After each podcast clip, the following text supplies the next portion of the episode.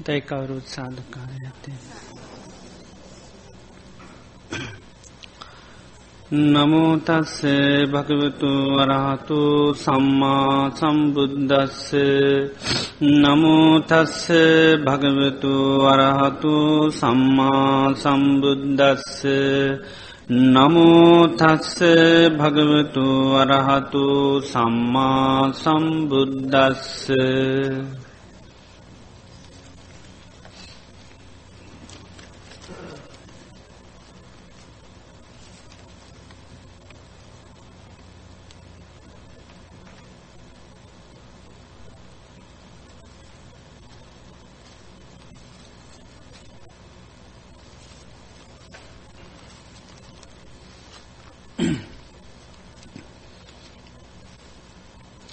ශ්‍රද්ධාවන්ත පින්නතුේ දැම්මී මොහොත්තේදී අපි අදත් ධර්ම සාකච්ඡාව පවත්වන්නටයි සූදානම් වන්නේ. ඒ සඳහා අදත් පස්න ඉදිරිපත් කරලතිනවා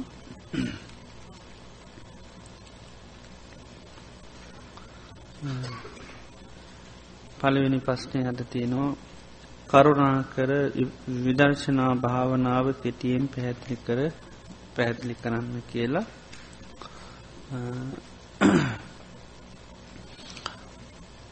පාලි භාෂාවෙන් පස්සනා කියලා කියන්නේ බලනවා කියනටයි. බලනවා කියන එකට පස්සනා කියලා කියෙන විපස්සනා කියලා කියන්නේ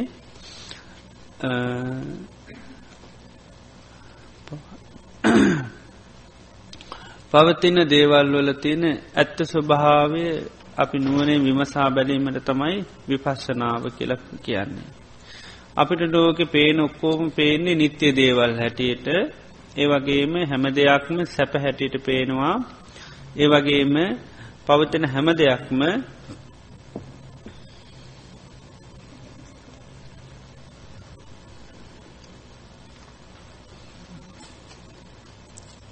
ආත්ම වැට හැටියට පේනවා. ඒවගේම සුභ හැටියට දේවල් පේනවා මේ විදිහට ලෝකයේ පවතින දේවල් ඒක ඇත්ත ස්වභාවයනුවේ අපිට පේෙන්. එතොට මේ නිත්‍යයි කියට ලෝකයේ දේවල් ඇත්තටම නැහැ.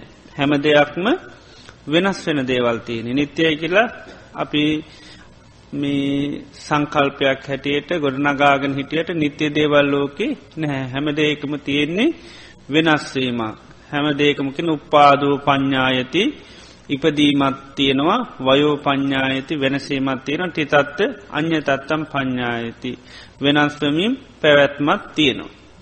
එතකොට ලෝකයේ කිසිම දේක නිතිය ස්වභාවික දෙයක් ලෝක නෑ. එතකොට බුදුරජාණන් වහන්සේ පෙන්න්න එතකොට අනිත්‍යයයි කියලා දැන් ඒක තමයි ලෝකෙ පවතිනදේ. වෙනස් වෙනවා කියන එක තමයි තියෙනදේ. නමුත් අපි කාලයක් තිස්ස බලාගෙන විල්ල තියනමකක්ද නිත්‍යයයි කියලා. ඉතිං ඒකයි කියන්නේ තතාගතයන් වහන්සේ ඉපදුනත් නැතත් මේ ලෝකයේ මේ අනිත්‍යයයි කියන එක ලෝක තියෙන එකක්. හැබැයි ලෝකය එවිදිට බැලිවෙ නැතිහින්ද ලෝකයට පේන්නේ නැහැ. ති විපස්සනා භාවනාවේදී අපි අන්න අනිත්‍යයි කියලා බලනවා. අනිත්‍යයි කියලා බලන්නමකද අපි අර වෙනස් වෙන දේවල් වෙනස් වෙනවා කියන හැඟීම නිසා අපිට නිතර නිරන්තරයමකද හටගන්න දුක හටගන්න. ඒ දිත්‍යයි කියන දේවල් වෙනස් වෙලා යනකොට අපිට මහා දුක කටගන්නවා. ඒ වගේ මේවාට බැඳීම නිසාපි ඒව මුල් කරගෙන ආයමත් උපත කරා ජරාමරණ සෝක පරිදේ දුම්දුම්නස් කරා යනවා. අන්නේ වෙනස් වෙන දේ වෙනස් වෙනවා හැටියට බැලීම තමයි විපස්සනා භාවනාවෙන් කරන්න. වෙනස් වෙන දේවල් වෙනස් වෙන දේවල් හැටියට. එවගේම දුක උපදල දෙන දේවල් දුකක් හැටියටම අන්න බැලීම තමයි පශනාවෙන් කරන්න දැන් අපිට දුක සැප හැටිට තමයි පේන්නේ. එතට ඒක ඇත්තක් නොවේ ඒක ඇත්තක් නොවේ ඒක මේ සත්‍යය ස්වභාවය තමයි හැම දෙයකින්ම දුක උපදවලා දෙනදේ.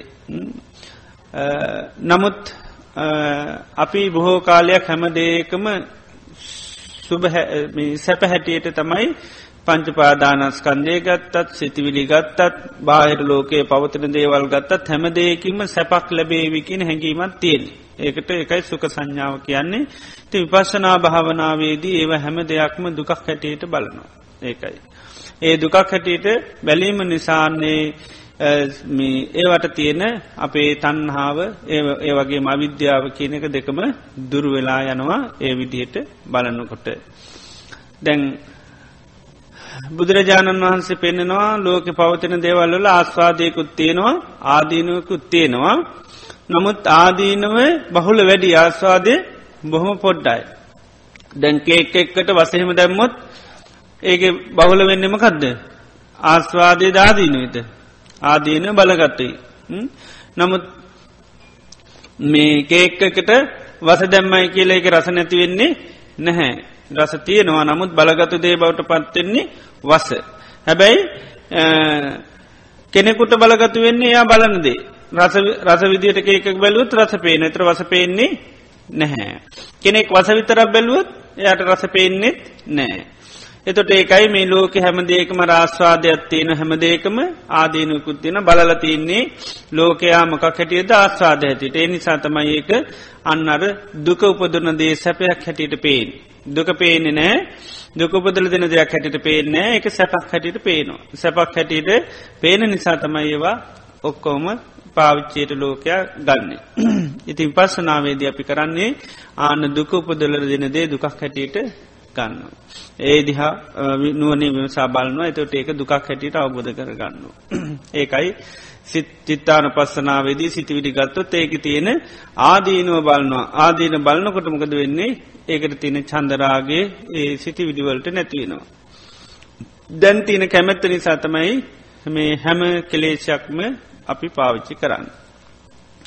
ඊළඟට මේ අපිට හැම දෙයක්ම පේන්නේ අපිට පාලනය කරන්න පුළන් අයිති දේවල් හැටිට තමයි පේන්නේ. ති විපශනා භාවනාවේදී යන්න අයිති නැති දේවල් හැටියට ලෝක පවතින දේවල් දකිනවා හේතු පල දහමකට අයිති මිසක් අපිට පාලනය කරන්න බැහැ දැන් කයගත්තොත් එහෙම අයිති දෙයක් වගේ පේනවා නමුත් හේතු විමසා බැලවාම හේතු පල දහමකට අයද්‍යයක් මිසක් ඒක අයිති නැති දෙයක් හැටියට අබෝධ කරගන්න පුළුවන්කම ලැබෙනවා. ඉතින් ඒ විපශනා භාවනාවේදී කරන්නේ අර ලෝකයේ පවතින දේවල් වල ඇත්ත ස්වභාවේ අවබෝධ කරගන්න තමයි අනිත්‍යය දුක්ක අනාත්ම කියලා. ඒක තමයි සත්‍යය කියලා ගැන ඒක තමයි හැම දේකම තියෙන ඇත්ත ස්වභාවේ. ඉල්ළඟට ලෝකයා හිතාන ඉන්නදේ ඒක සත්‍යයක් නෑ එක අසත්‍යයක් ඒකයි. හැම දෙයක්ම වෙනස් වෙන දේවල් නමුත් වෙනස් වෙන්න නෑ කියල හිතානන්න හිතාන හිටියටමකද වෙන්නේ වෙනස් වෙනවා. සැපයි කියලා දේවල් පාවිච්චි කරන පාච්චි කරට උපදොල්ල දෙන්නෙම දුක. ඊළඟට තමාට අයිති දේවල් පාලනය කරන්න පුළුවන් දේවල් හැටියට හිතාන්න නමුත්තේ කිසිව පාලනය කරන්න බැහැ ඒකයි ඒකට අසත්තිය කියල කියන්න.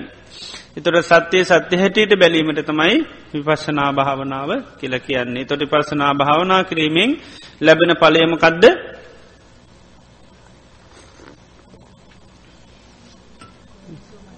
පලේ ලැබෙන පලයමකදද ප්‍රඥාව ලැබෙනවා. ප්‍රඥාව ලැබෙනවා. සමත භාවනාව කිරීමෙන් හිත වැඩෙනවා. විපශනා භාවනා කිරීමමකදද අන්න පඤ්ඥා භාවීති කැන එක ප්‍රඥාව ලැබෙනවා. එතර ප්‍රඥාවති නොන හිතේ ප්‍රඥාව කියල කියන්නේ පජානාති පජානාති තස්මා පඥ්ඥවාතුස්සති ප්‍රඥාවන්තයි කියල කියන්නේ දන්නවා කියනෙක මකද ඉදන් දුක්කන්ති පජානාති. මේක දුකක් කියල දන්න අයන් දුක්ක සමුදව මේක තමයි දුක හටගන්න හේතු. ඒ විදිහට අන්න අර දන්නවා කියනක තමයි ප්‍රඥාවන්තයි කියල කියන්නේ. ප්‍රඥාව උපදවා ගන්න අන්න කළ යුතුදේ තමයි අන්නර දේවල් වල තින ඇත්ත ස්වභාව විමසා බලනොට බලන්ඩුවන් එතකොට තමයික දුක දුක හැටියට අවබෝධ කරගන්න පුළුවන්කම ලැබෙන්නේ. ඉති පසනා භාවනා තුළින් සම්පූර්ණම ප්‍රඥාව ඇති කරගන්නයි කරන්න. විවිධ විදිහට විපස්සනා භාවනාවන් කරන්න පුළුවන් විවිධ මාතුකාවස බුදුරජාණන් වහන්සේ ලෝකයේ දිහා අපිට යථාර්ථය අවබෝධ කරගන්න බලන්න දේශනා කරලා තියෙන. අපි සංසාරය බලාගනාපු විදිර තමයි හැමදයම දැම් පේෙන්. තිපශනා භාවනාවෙන් ඒ අපි බලන පැතික ඩයින් කල උන්වහන්සේ වෙනත් විදිහට බලන්න පෙන්නවා. ආනේ විදිහට අන්න පේන්න පටන් ගන්නවා. කන්නාඩි මාරු කරනවා. එතකොට අන්න දැන්දාන තියන කන්නාඩිට ඔක්කම අනි පැත්තට තමයි පේන්නේ. ඉතින් අන්න බුදුරජාණන් වහන්සේ පඤ්ඥාචක්කු පෙන්න්නනවා. එතනින් අන්න හැම දේකම ඇතුලාන්තේ විනිවිධ දැක්මත්ති නම මේ කන්නාට දෙක දැම්මහම උඩ විතරන්න මේ පේන්නේ. ඇතුළත් පේනවා දැන් අපට උඩ ස්වභාව විතරයි පේන්නේ විනිවිධ දැක්ම කියන එක නැහැ. විපස්සනා භාවනා තුළ සෑම දේකම විනිවිධ දැක්මත්තින ආස්වාදය පේනවා ආනේ ඔබ්බට යන ආදීනුව බහුල වසයෙන් පේනවා ආදීන බහුල වුණහම ආස්වාදය ගණන් ගන්න බැරිවෙනවා. දැන් කේකගේ වස දැක්කොත් රස ගණන් ගන්න වැහැ. එතට බහුල වසයෙන් පේනදේ වස එතකොට අන්න නොකායින්න පුළ මොකද දන්න හේතුව අන්න එක එක විනිවිධ දැක්ම.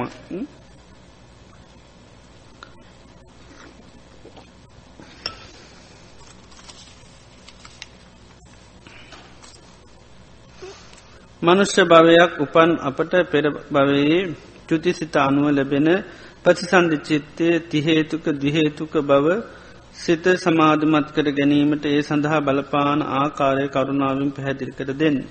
සසර පුරුද්දක් කෙරෙහි මේ කෙරෙහි බලපාන්නේද. සාමාන්‍යයෙන් කෙනෙකුට එහෙම තමන් තිහේතුකද දිහේතුකද කෙළ එහෙම සොයාගණ්ඩ ලේසි වෙන්නේ නෑ. තින් බුදුරජාණන් වහන්සේ ධර්මය අවබෝධ කරගන්න පුළුවන් මිනුන් දණ්ඩත් පෙන්නලතින්. තමන්ට ධර්මය අවබෝධ කරගන්න බැයිද කියලා ආනඒක අනුව බලන්ඩ පුළුවන්. ඒක තමයි දේශනා කරනවා. කෙනෙකුට මේ සක්කාය නිරෝධය කෙන මේ පංචුපාදානස්කන්දයෙන් අයින්වෙන්ඩ ධර්මය දේශනා කරනකොට විශේෂෙන් මේ ආදීනෝ පැත්ත ලෝකයේ දේශනා කරනකොට ආන්නේ තුළ හිත බැසගන්න ඕන හිතේ පැහැදීමක් ඇතිවෙනවනම්. ඉළඟට ඒකින් නිදහස් වෙන ගතියක් හිතේ තේරෙනවන. ඒ ආදී නො කියනකොට ආන්න එයා මේ ධර්මය අවබෝධ කරගන්න පුළුවන් කෙනෙක් අය හැටියට ආන්න තමා තත්සේරුවට ලක්කර ගණ්ඩ කියනවා ධර්මය කියනකොට හිතේ පැහැදීමක් ඇතිවෙනවා නම් හිත ඒ තුළට බැසගන්නවනම් ඊළඟට එතනි නිදහස් වන ගතියත් තමන්ට තේරෙනවනම් ආනයා ධර්මය අවබෝධ කරගන්න පුළුවන් කෙනෙක්. එහෙම නැත්තිනම් ආනයා ධර්මය අවබෝධ කරගන්න බෑකින ඒ තුළට හිත පැහැදින් නැත්තං ආගන හින්ද හිතෙන් නැත්තං තේරෙන් නැත්තං වැටහෙන් නැත්තං කිසි අවබෝධයක් වෙන්න නැත්තං ආනයා ධර්මය අවබෝධ කරගන්න බැරි කෙනෙක් කියනවා. දැන් සමහරය කියනකොට හිතට කැනවට පැහැදීමක් ඇතිවෙන්න. තේරෙන්න නෑ කැමති නෑ සමහල්ලාට ඇත්ත කිව්ව එක මම් මොකද කරන්නේ. බිම් බලාගන්න. නේද. යථාර්ථය කිව ගම බිම් බලාගන්න. හිත ඒ අයට අන්න බෑ. එතකොට අර ඕනෑකමින් අපි දැන් බොහෝම විහිලු තාලුවක් කරනකොට කටායන අහගෙනන්නේ ඒ වගේ අර ධර්මය කියනකරත් ඒකයි බොහෝම කැමැත්තෙන් ඕනකමින් අහන්ඩ පුළුවන් ගතිය සමහරයට තියෙනවා. හරි ප්‍රසාදයක් එතට ඇතිවන පැහැදීමක් ඇතිවන වැටහිමක් ඇතින ආන්නේ අය මේ ධර්මය අවබෝධ කරගන්න පුළුවන් අය සමාධි වඩන්ඩත්තේ අයට පුළුවන් පසනා කරන්නත් ඒ අයට පුළුවන්. එහෙම නැත්තුව අපිට එහෙම හොයන්ඩ බෑ අපි මොන ප්‍රසන්දීද තියෙන්නේ කියලා. නේද. බුදුරජාණන් වන්ස පෙන්නල තියෙන්නේ ඕක තමයි මිනුන් දණ්ඩ හැටියට බලන්න පුළ මාලුන්ක පුත්ති සූත්‍රය තියනවා ඒකට උපමාවක් පෙන්න්නනවා ඉතාමත්ම දුබල මනුස්සෙක් බොහෝම කෙට්ටු පෙන්දෙක් වගේ මනුසේ කැවිල්ල කියනවා මම මේ ගංගානන් ගඟ ළඟට ඇල්ලකින මම මේ ගඟ තරණය කරගෙන එතරට යනවා කියලා කියනවා. ඉතින් පාටිවත් යන්න බෑ කියනවා. ඉතින් පුළුවන්ද කියලානවා ගඟ තරණය කරන්න. එයාට පුළුවන්කමක් නෑ කියන ගඟ තරණය කරන්න. හේතු ඇයි පාරයන්ටත් පනනෑ ඒ වගේ බණ කියනකොටවත් හිත පහදින්න ඇත්තන් අවබෝධ කරගන්න කොහොමත් බෑ යාන එක හිතේ තුළට බැසගන්න ඇත්තන් ඒ තුළ ප්‍රසාදයක් ඇතිවෙන්න ඇත්තං කැමැත්තක් ඇතිවෙන්න ඇත්තන් එයාට බණ ධර්මය අවබෝධ කරගන්න අන්න බහුව වෙන්න නෑ. එයාර ඒකයි මේ දුරුවල මනුස්සෙක් වගේ කියලා කියනවා. තව කෙනෙක් කෙනව සත්‍ය සම්පන්න ජව සම්පන්න කෙනෙ ඇවිල්ල කියනවා මම මේ ගංගානංගඟ තරණය කල් එතරට යනවා කියලා. ආනයාට පුළුවන් කිනමකද එයා බොහොම බල සම්පන්න ජව සම්පන්න කෙනෙ. ආනේ වගේ කිනාව ධර්මය කෙනෙකොට හිත පහදිනවනං ප්‍රසාදය ඇති වෙනවනම් හිත ඒකින් නිදහස් වෙන ගතියත්තේ එන්නවනං ආනයාට මේ ධර්මය අවබෝධ කරගන්න පුළුවන් බහුව පුද්ජලෙ කියලා දේශනා කළතින ඉතිං ඒ විදිහට තමයි අපිට පුළුවන්කම ලැබෙන ඉතිං මේ කැහලතින සසර පුරුද්ධ මේ කෙරෙහි බලපානු. සම්පූර්ණ පුරුද්ධ කියන එක සම්පූර්ණ බලපානු. අපි මේ සංසාරය යන්නෙත් පුරුද්ධට කවරුතු ගන්න ලනවෙන. නේද කෙලෙ සොක්කෝම පුරුද්ධටම භාරගෙන යනවා. පුරුද්ධ කියන එක හොඳටම තියෙනවා. අද අපි කෙලේශ පුරුදු කර තෝක පුරුද්ධර තමයි එන්නේ. ඉතින් ධර්මයත් ඒමයි පුරුදු පුහුණු කරපු අයට පොඩි ඉංගියත් දුන්නත් ඒක අවබෝධ කරගන්න පුළුවන් අට ධාරචීරිය ස්වාමිනාන්සල වගේ අය නේද.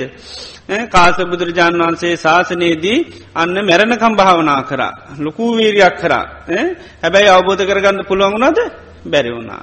හැබැයි ඒ පුරුද්දන්න අහකගේ නෑ. පුරුදු කරපු ධර්මය සම්පූර්ණම ප්‍රයෝජවා ප්‍රයෝජනවත් වනා දිම් අපේ බුදුරජාණන් වන්ස මුණ ගැහිලා පොඩ්ඩි දේශනයගේ මොක දුනේ අවබෝධ කරගත්තා. දිට්ටේ දිට්ටමත්තන් දැක්කොත් දැක්ක විතරක් වෙන්න කියලා. ඇයි කිය ලැහවද නෑ. අපෙන් එහෙම කිවොත් අහනවා නේද? ඇයි දැක්ක දැක්ක විතරක් වෙන්න ඕන කිවත් ඇයි කියලා හන්ඩෝන ත අපි කියල දෙන තෝට දකින දේට ආසකරොත් මොකද වෙන්නේ? අන්න ඒකට හිත උපාදානන උපාදාන උන්නොත් හිත කරම හැදෙනවා. ඊට පච්චාය උපදිනවා. ඉපදුනොත් මොකද වෙන්නේ? චරා මරන්න සෝක පරිදි ඔක්කම කියල් දෙන්න නාදීනට එතකොට තම ඇත්ත තමයි කියලා තේරෙන්නේ. දැම් මෙයාට එහෙම ඕනුන නෑ. දිට්ටේ දිට්ටමත්තන් දැක්කොත් දැක්ක විතරක් වෙන්ඩ ඇයි කිලෙහිවි නෑ. යාට සීහ පිහිටිය. ආනයි දෙක්කුත් දැක්ක විතරක් වෙන්න ඕනි කියලමක දෙයා අර ධර්මය පුහුණු කරලා ආප කෙනෙක් නිසා උන්වහන්සේ දන්නවා යා පුරුදු කරේම කද්ද කියල. ති ඒදේ සිහි කරලා දුන්න. පොඩි මතක් කිරීමක් විතරයි. පොඩිංගි අත් දුන්න. ඒ තුළින් මෙයාට අවබෝධ කරගන්න පුළුවන්. ඒ වගේ පුරුදු කරගෙන ආපුවායට සමති පස්සනා දෙකම ඉතා පහස්ුවෙන් දියුණු කරන්න පුළුවන්. ඉතින් ඒ නිසා සංසාර පුරුද්ධ ධර්මයටත් විශේෂයෙන්ම බලපාන පුහුණු කරගත්තය ඉක්මනින් අවබධ කරගන්න අන්න අයට ටිකක් අමාරු ඒ අයි මේ ජීවිත පුහුණු කරොත් අනි ඊළඟ ජීවිතය හරි පුළුවන්. අඩුම ගානේ කෙනෙකුට කොහොමුවත් බෑ එයා අඩුම ගානය පුරුදු කරනවා නම් කැමැත්තක් හරි ආනයට ඉළඟ ජීවිතේ ධර්මයටෙන්ට පුළුවන්. ඒකයි තමන් කැමිති නැත්තං එක එක කතන්තර කියන්න නැතුව නේද කැමිති නෑ කියලා කැමැත්ත හරි පුදුව ගන්නවන හරි. ඒ අයට අනිවාරයෙන් ගොඩෙන්ඩ පුළුවන්. ඉතින් ඒකයි. බුදුරජාණන් වහන්සේ සමාර තාපසයන්ට බණ කියනවා. ඒ වෙලාවේ ඒ අයට යම් පැහැදීමක් ඇතිවෙනවා. ඒකල කියනවා ස්වාමිනි මත් කැමති මේක කරන්න ඉතින් හැබැයි බුදුරජාණන් වන්ස දන්නම යාට එච්චර හයිය නෑ. එතකොට උපදෙස් දෙනවා ඔයාට මේ වෙලාවේ ඇතිවෙච්චි මේ කැමැත්ත විතරන්න ඇති කර ගන්නපා ඕක පුරුදු කරන්න කියනවා. දීර්ක කාලයක් වට ඒක හිතසුව පිණිස පවත්ති නතර දෙන එක උපදේශමකක්ද ඇතිවෙන පැහැදීම දිගට ගෙනියන්න. ඒක නැති කරගන්න එ පච්චරය දෙන ආන්න පාඩමේ කට්ටීට. ඒ වගේ අර පොඩි හෝ පුරුද්දක් ඇතිකරගෙන තිබුණොත් එයාට ධර්මයට අවතීරණ වෙන්න පුළුවන්. ධර්මයට කැමැතිව ධර්මය කරේ ලොකූ පසාදයක් ඇතිකරගෙන මැරුණත් ආනයට පිරිහීමක් වෙන්නේ නෑ. මොකද ඊළඟ ජීවිතෙත් ඒ ධර්මය වර්ණා කරනකොට ඒකට කැමති. ද මේ ජීවිතේ අකමැත්ත දියුණු කරගෙන ගියත්මකද වෙන්නේ. ඊළඟ දීවිතත් අකමැති දැන් සමහර බණකිව හමකදනේ කැමැත්තත් ඇති කරගන්න එකමැත්තද. අකමැත්ත අපට ුව තේරෙන්නේකේ වෙලාවනෑකේ කාලිනයකේ තුර මකද කියන්නේකි. අකමැත්තන ඇතුලේ තියෙන අකමැත්ත. වෙන්න ඕනියක නෙවේ අපට තේරෙන්න්න නැතිවෙන්න පුළුවන් වෙලාව නැතිවෙන්න පුළුවන් වැට නොහැටෙන්න්න පුළුවන් කරගන්න බැරිවෙන්ඩත් පුළුවන් පිම්මද වෙන්ඩත් පුළුවන් ඒත් වටිනාකම හිතන්නුට මොන තරම් ස්වාකාත ධර්මයක්ද අපිට නොතේරුනත් මේක සම්මා සම්බුදුරජාන් වහන්සේ නමත් දේශනා කරපු ධර්මයක් අනේ මත් කවධර්මය ධර්මය බෝධ කරගන්න ඕන කියලා අඩුම ගාන කැමැත්තවත් පිහිට ගන්න ඕන ධර්මයට කැමති වෙන්න ඕනේ. ඒ කැමැත්ත තිබුණත්තම ඊළඟ අහනකොට හරි ඒකට නැත්තඟ අර පස්නේ තම ඇත්තෙන්නේ. ඒ බන මයත් කිවත්තේ අයු හැමදාම වගේ අපට තේරෙන්නේ කියලා ආයත් අකමැත්ත තමයි ඇති වෙන්නේ. හිත එනිසා බැරිවුනත් පුළුවන් අපිට තියෙන්නේ නොතේරුනත් කැමැත් උපදව ගන්න ඕනි. ආනේ ධර්මයට කැමති වුණුත් නිර්වාණයට කැමති වුණොත් ආනේ අයට ඊළඟ ජීවිතෙත් පුළුවන් දැන් සමහරය ධර්මය තමන්ට ගැලපෙන්නේ න එනි සමකද කියන්න ධර්මයත් එක විරුද්ධයි. ඇයි මොකද ජීවිතය යන ගමනට මේක ප්‍රතිවිරුද්ධ එකක්න එතවට ධර්මයත් එක්ක අන්න අකමැත්තෙන් තමයි ඒ තොට ඒකට ඩෝනි මේක බොරු කියලා ඔප්පු කරන්න ඒ වගේ දේවල් කරන්න යනවා. ඊට පස්සමකද වෙන්නේ ඊළඟ ජීවිතේ යා මේ ජීවිතය ධර්මයට කැමති නෑන රහතන් වහන්සලමුණ ගැහුණත් ඒ අයි ධර්මයට කැමති වෙන්නේ නෑ. ඒ නිසා පරාභව සූත්‍රයත් කියන්නේ මොකදද. සුවිජානෝ බවං හෝති සුවිජානෝ පරාබවූ දම්මකාමෝ බවං හෝති දම්මදෙස්සි පරාබවූ. අන්න පිරිහෙන කෙනා දියුණු වෙන කෙන ඉතා පහසුයි කෙනොත් තේරුම් ගන්න. ධම්ම කාමෝ බමං හෝති ධර්මයට කැමති කෙනා අන්න දියුණු වෙනවා දම්ම දෙස්සි පරාභව ධර්මයට දේශ කරනවන එයා පිළිහෙනවා. ඉති ඒ නිසා මේ අපි දිහා බලන්න අපි ධර්මයට කැමිතින අපිට අන්න මේ ධර්මය දියුණුවක් මිසක් පිරිහීමක් වෙන්නේ නෑ. ඉතිේ නිසා අපිට බලන්න තියන්නේ එක අපි උපදිච්චි ස්වභාවය අපි කොහොමද දන්න නැහැ. අපි ධර්ම කාමිනං ධර්මිට කැමතිනං ඒ පිරිහින්නේ නෑ. මේ ජීවිත අපිට අබෝධ කරගන්න බැරිවුණත් අපි මේ ධර්මයට බලගතු අන්න කැමැත්තක් උපදවාගෙන අපි මේ ගියොත් ඊළඟ ජීවිතේ ධර්මී මුණ ගැහෙනකොට ඒක දෝතිම් පිළිගන්න අයි බවට පත්වෙනවා. එතකොට පොඩි සිහි කල්ලදීමකින් සමහල්ලාට අවබෝධ කරගන්න පුළුවන්.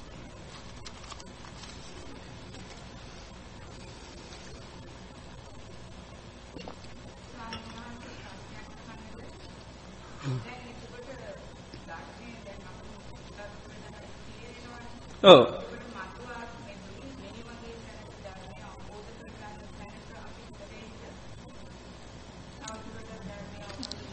ඕ ඕ පුරදුකරොත් හේතු පලදාමක් ඇටිට අනිවාරෙන් උපදී. ඉතින් එනිසා තියෙන්න මේ ජීවිතය උපරීම පැහැදිලි ලෙස බුදුරජාණන් වහන්සේ දේශනා කරපු ධර්මය විදියටම පුරුදුකරොත් පිරිහීමක් වෙන්න නෑ ඒකයි. ඒ සුදුසු තැන්වලපුදී මේ ඉති මෙහෙමයි අපිට කල්්‍යයාන මිත්‍ර ඇසුර නිරන්තරය අවස්සේ තිය කල්්‍යයාන මිත්‍ර ඇසුර තියන තැන්වල පිදිචි ගමන් අපි ධර්මයට අවද සමාරලාට නැතිවෙන්න පුළුවන් අවත්තාත් වෙනවා. මකද ලෝකයේ කල්්‍යයාන මිත්‍ර හිටියොත්තමයි අපිට අපි කොච්චර කුසලතා තිබුණත් අපේ කුසලතා මතු කර ගන්න පුළුවන්ගෙන කල්්‍යයාන මිත්‍ර ඇසුර තුළමකද අපි තනියෙන් අවබෝධ කර ගන්න අය නෙවේ. දැන් ධාරු චීරී සායන්න තුනත් එච්චර බුද්ධියත් තිබට හිටිය කවරු හැටියටද.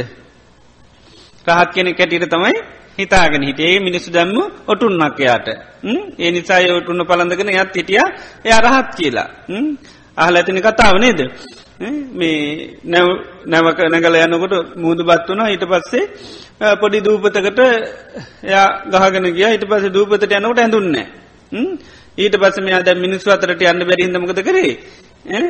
කෝටු කෑලි අරම අරක පොඩි ඇඳුමක් ඇඳගෙන ගමට කිය ඉතින් ගමට යනකට මිනිස් හිතුව අමුතුම තාක්ෂයක්කෙනවා කියලා. ඊට පස්සේ මිනිස් හෝදකද කරේ? බෝම ගෞරුවෙන් පිළි අරගෙන අප පත්තාන කරන්න ගියා. මෙයා දැන්ගේ මොකටද? පිරිසරණක් බලාපොරතුන් දැ වැදුම් පිඳුම් කරනවා. ඊට පස්සේ අනේ රහතන් වහන්සේ රාතන් වහන්සේ රාතන් වහන්සේ කියනකට මෙයාගේ ඔලුවට ගියමකද අන්න රාත් කියලා. ආඒකයි මිච්චර මිනිසුමට කරු කරන්න කියලා. ආන්නද මේක කියා ඉතින් ඊට පස යත් රහතන් වහන්ස නමක් ඇයට ඊට පස තිඥා කර. ඉතින් එයත් එක්ක එකට පිළිවෙත් පුරපු අන්න බ්‍රහ්මරාජය කැවිලකුවා ධාරුචරියබ රහත්වූ රහත්මකට පිළිපන් කෙනෙන්නෙවේ අන්න රහතන් වහන්සේ බුදුරජාණන් වහන්සේ ඉන්න ඉතින් ගිහිල්ලා හම්වෙන්න ඊට පසටම හොයාගෙනකි. හිත ඒවගේ අර දැන් ධර්මය පුරදු කල තියන අයටත් කල්්‍යයාන මිත ඇසුර ඕන. හැබැයි අර පුරදු කල තියනෙක කල්්‍යයාන මිත්‍රතුර කොහෙන් හරි හම්මුණ හම අන්න එයා පිළිගන්නවා. දැ මෙයාට රහත් නෑකුවකං එයා ඒක ප්‍රතිශේප කානමක දර එයා ධර්මයට කැමති. එයා පහදල දුන්න එක ඉක්මනින් තේරුම් ගත්ත. අන්න එකයි. අරමින අකර තැබට මුණ දුන්නට අන්න අර ධර්ම කාමී කෙනාට ඒක එයා රහත් නෑකිවත් ඒකයි. එයා ඒක ඉක්මනින් පිළිගත්තා. ඉතින් ඒ වගේ තමන් දියුණු කරපු කුසලතා ඊළඟ ජීවිතවලට අනිවාරයෙන් උපකාර වෙනවා. ඉතිං ගොඩාක් ධර්මය පුරුදු කරපු අය අනිවාරෙන් ඒ සුදුසු තැන්වල බොහොසෙන් ගිල්ල උපදිනවා ඉතිං ඒකට ඉතිං අර ලෝකේ කල්්‍යාන මිත්‍ර නැමති පසුබිම තිබුණොත් තමයි ගොඩාත් දුරටම නැගී සිටින්ට පුළුවන් නැත්තං බොහොම අපාත්තාවට පත්වෙනවා.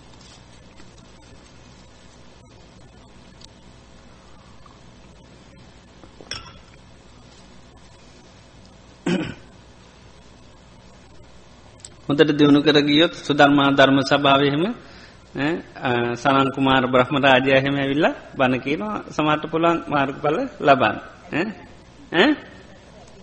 ඕ හොඳට දියුණු කරන්න ඕනි සද්ධහා සීල සුතතියාග පඥ්ඥ ඒ පහදියුණු කරත් තමයි ආනේ වගේ දේවලෝකකට ගිල්ලා අවබෝධ කරගන්න පුළුව ඉති මේ ජීවිත උපරිම වඩන්ඩෝන් ඒකයි. දිවිලෝක වටනෝ කියලා බෑ මේක වැඩුවත්තම එතන වඩන්න පුළුවන්. ඒකයි. මේකේ අවසාන හුස්ම තෙක්මං මේක දියුණු කරනවා. ආනේ මානසිකත් ඉදගෙන කරගෙන ගියෝ ඊළඟ ජීවිතර පුළුව නැතා මෙහ අමාරු ඒ කරනවාකුවත් මෙහ කරන්න බැරිද එහෙත් කරන්න කෝම නේද? ඒකයි.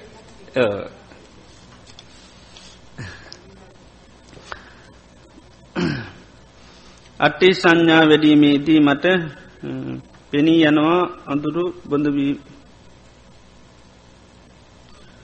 බොඳවීමකිනි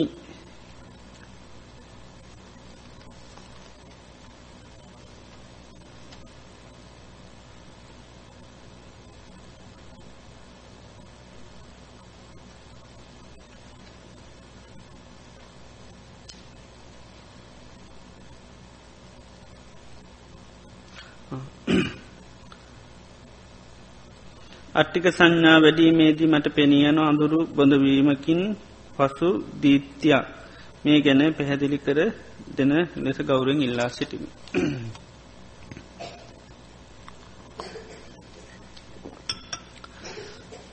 සාමාන්‍යයෙන් භාවනාවක් කරනකොට අපේ හිත කියන එක තැම්පත් වෙනකොට ප්‍රභාස්වර වෙනවා. පබස්සරමි දම්භික්කවේ චිත්තං කියනවා නේද සේතකයන් හරි ප්‍රභාස්වර දෙයක්. තංචකෝ ආගන්තුකේ උපක්ලේශයේ උපක්ලිට නමුත් ඒක ආගන්තුකයන උපක්ලේශවලින් කිලිටි වෙලතින්. එතොට අපි මේ භාවනාවක් නිරන්තරයම හරියට කෙරනකොට හිත ප්‍රභාස්වර වෙනවා. එතොට බොහෝ අයට වෙන්නමකද ඒ ප්‍රභාස්වර හිතට හිට පස්සේ ඒ ආන්න අල්ලන්ඩ යනවා. හැබැයි එතනිදී වෙන්නේ මොකද ඒක අල්ලගත්තර පද සමහරලාට සමහරයගේ නැතිවල යනමකද ඒක හේතුවන් නිසා හටගත්ත පලය. ඉති හේතුව පවත්තන්න ඕනේ දිගටම. ඉතිේ නිසා අටික සංඥාව හෝ වෙනත් භාවනාවක් කරනකොට හිතා ආලෝකමත් වෙලා ඉන්න පුළුවන් එතනිදී තමන් කරන භාවනා කරන මිසක්කා ආලෝකයට යන්න හොඳ නෑ. ඒකට ගියාට පස්සේ එක්ක එතන නතර වෙන්න පුළුවන් එතිනින් එහට යන්න බෑ මක දාලෝකෙදයා බලාන ඉන්න පුළන්ගතෝට. එතොට බොහොම සැපයක් තියෙනවා මකද හිත තැන්පත් වෙලා තියෙන හිද හිත එතන එතන නතර වෙන ඉති අපි භාවනා කරනකොට ඒකයි අපි භා කරන භාවනා මනසිකාරය අත්හරින්න හොඳ නෑ. ඉතින් හොඳටම තේරුම් ගන්නුවන ඇයි හිතාලු මකත්තුනේ අර අපි අට්ටික සංඥා වැඩුනන් ඒ තුළ එනම් තවත් ඒක කරනවා ඇරෙන්න්න අර ආල්ලෝකෙට හිත යවන්න ඇතුව මේ තමන් කරන අට්ටික සංඥාවම කරන්න. ඉති ඒ ආලෝකේ හිතාලෝක මත්වෙනකොට තමයි අර අටික සංඥාවන මුළු ඇට සැකිල්ලම බුදුරජාන් වන්ස කියන මේ කයේ තියෙන මසුත් ඔක්කෝ මිනිවිද මුළු ඇට සැකිල්ලම කෙනෙකුට දකින්න පුළන්ග දෙට හිත ප්‍රභාසරල නොයි ඒ නිසා අර සාමාන්‍ය මේකක්කාව කියලා ඒකට හිත යොමු කරන්න ඇතු දිගටම තමන් කරන භාවනාව කරන්න. මකද භාවනාවේ තමන් මුලින් ආරම්භ කරන ඒ භාවනා නිමිත දිගටම ඒක අවසානය දක්වාම දිගට පවත්තන්න ඕන ඒකයි. එතොට අර සාමානෙන් ඊට පස දැනනවට හිත ඇරියොත්තේ මේක කෙරවරක් වෙන්න හිත කියන මැජික කන්නේ ඊට පස එකව දේවල් හිතට මවල දෙන ඒව සේ සමහරලාට යන. ඊට පස්සේ අන්න සමාර වෙලාට අපි මුලාවට පත්වනේ නිසා අපි යම් මනසිකාරය පවත්වන නම් ඒකේ මේව කරනු ඇරෙන්න්න අර හිතට ඉඩ දෙන්න හොඳ නෑ. ඊට පස්ස හිට එක එක දේවල් අල්ලල්ල යන ස්වභාවකට පත්වෙනවා. ඒ නිසා ආලෝකයක් අවත් තමන් කරන භාවනාව ඒක ගැන මේකක් කරන්න ඇතුව අටික සංඥාව මෙම කරනවන මේ අයේ යට සැකිල්ලත් තියන්නේ කෙනේ මනසිකාරයම දිගටම පවත්වන්න.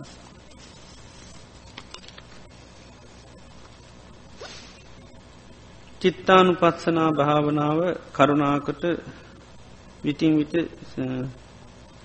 සිතුවිලි යන හැටි බලන බලපාන විට අතරින් පතර සිතිවිල්ලක් නැතිවී මොහොතක් එනවා. එවිට මම ඒ සන්තෝෂ වෙනවා. සිත කොහොම කොහේවත් නොයන නිසා නමුත් එතන සංඥාවත් තියෙනවද නැද්ද එය සුබද නැද්ද කියා පහදා දෙනු මැනවී. මෙය විමසන්නේ ඊයේ ස්වාමීන් වහන්සකිවේ නිසා. අරමුණක් අවශ්‍යයි කියලා සමහවෙල්ලා කියලා තින මැනවි.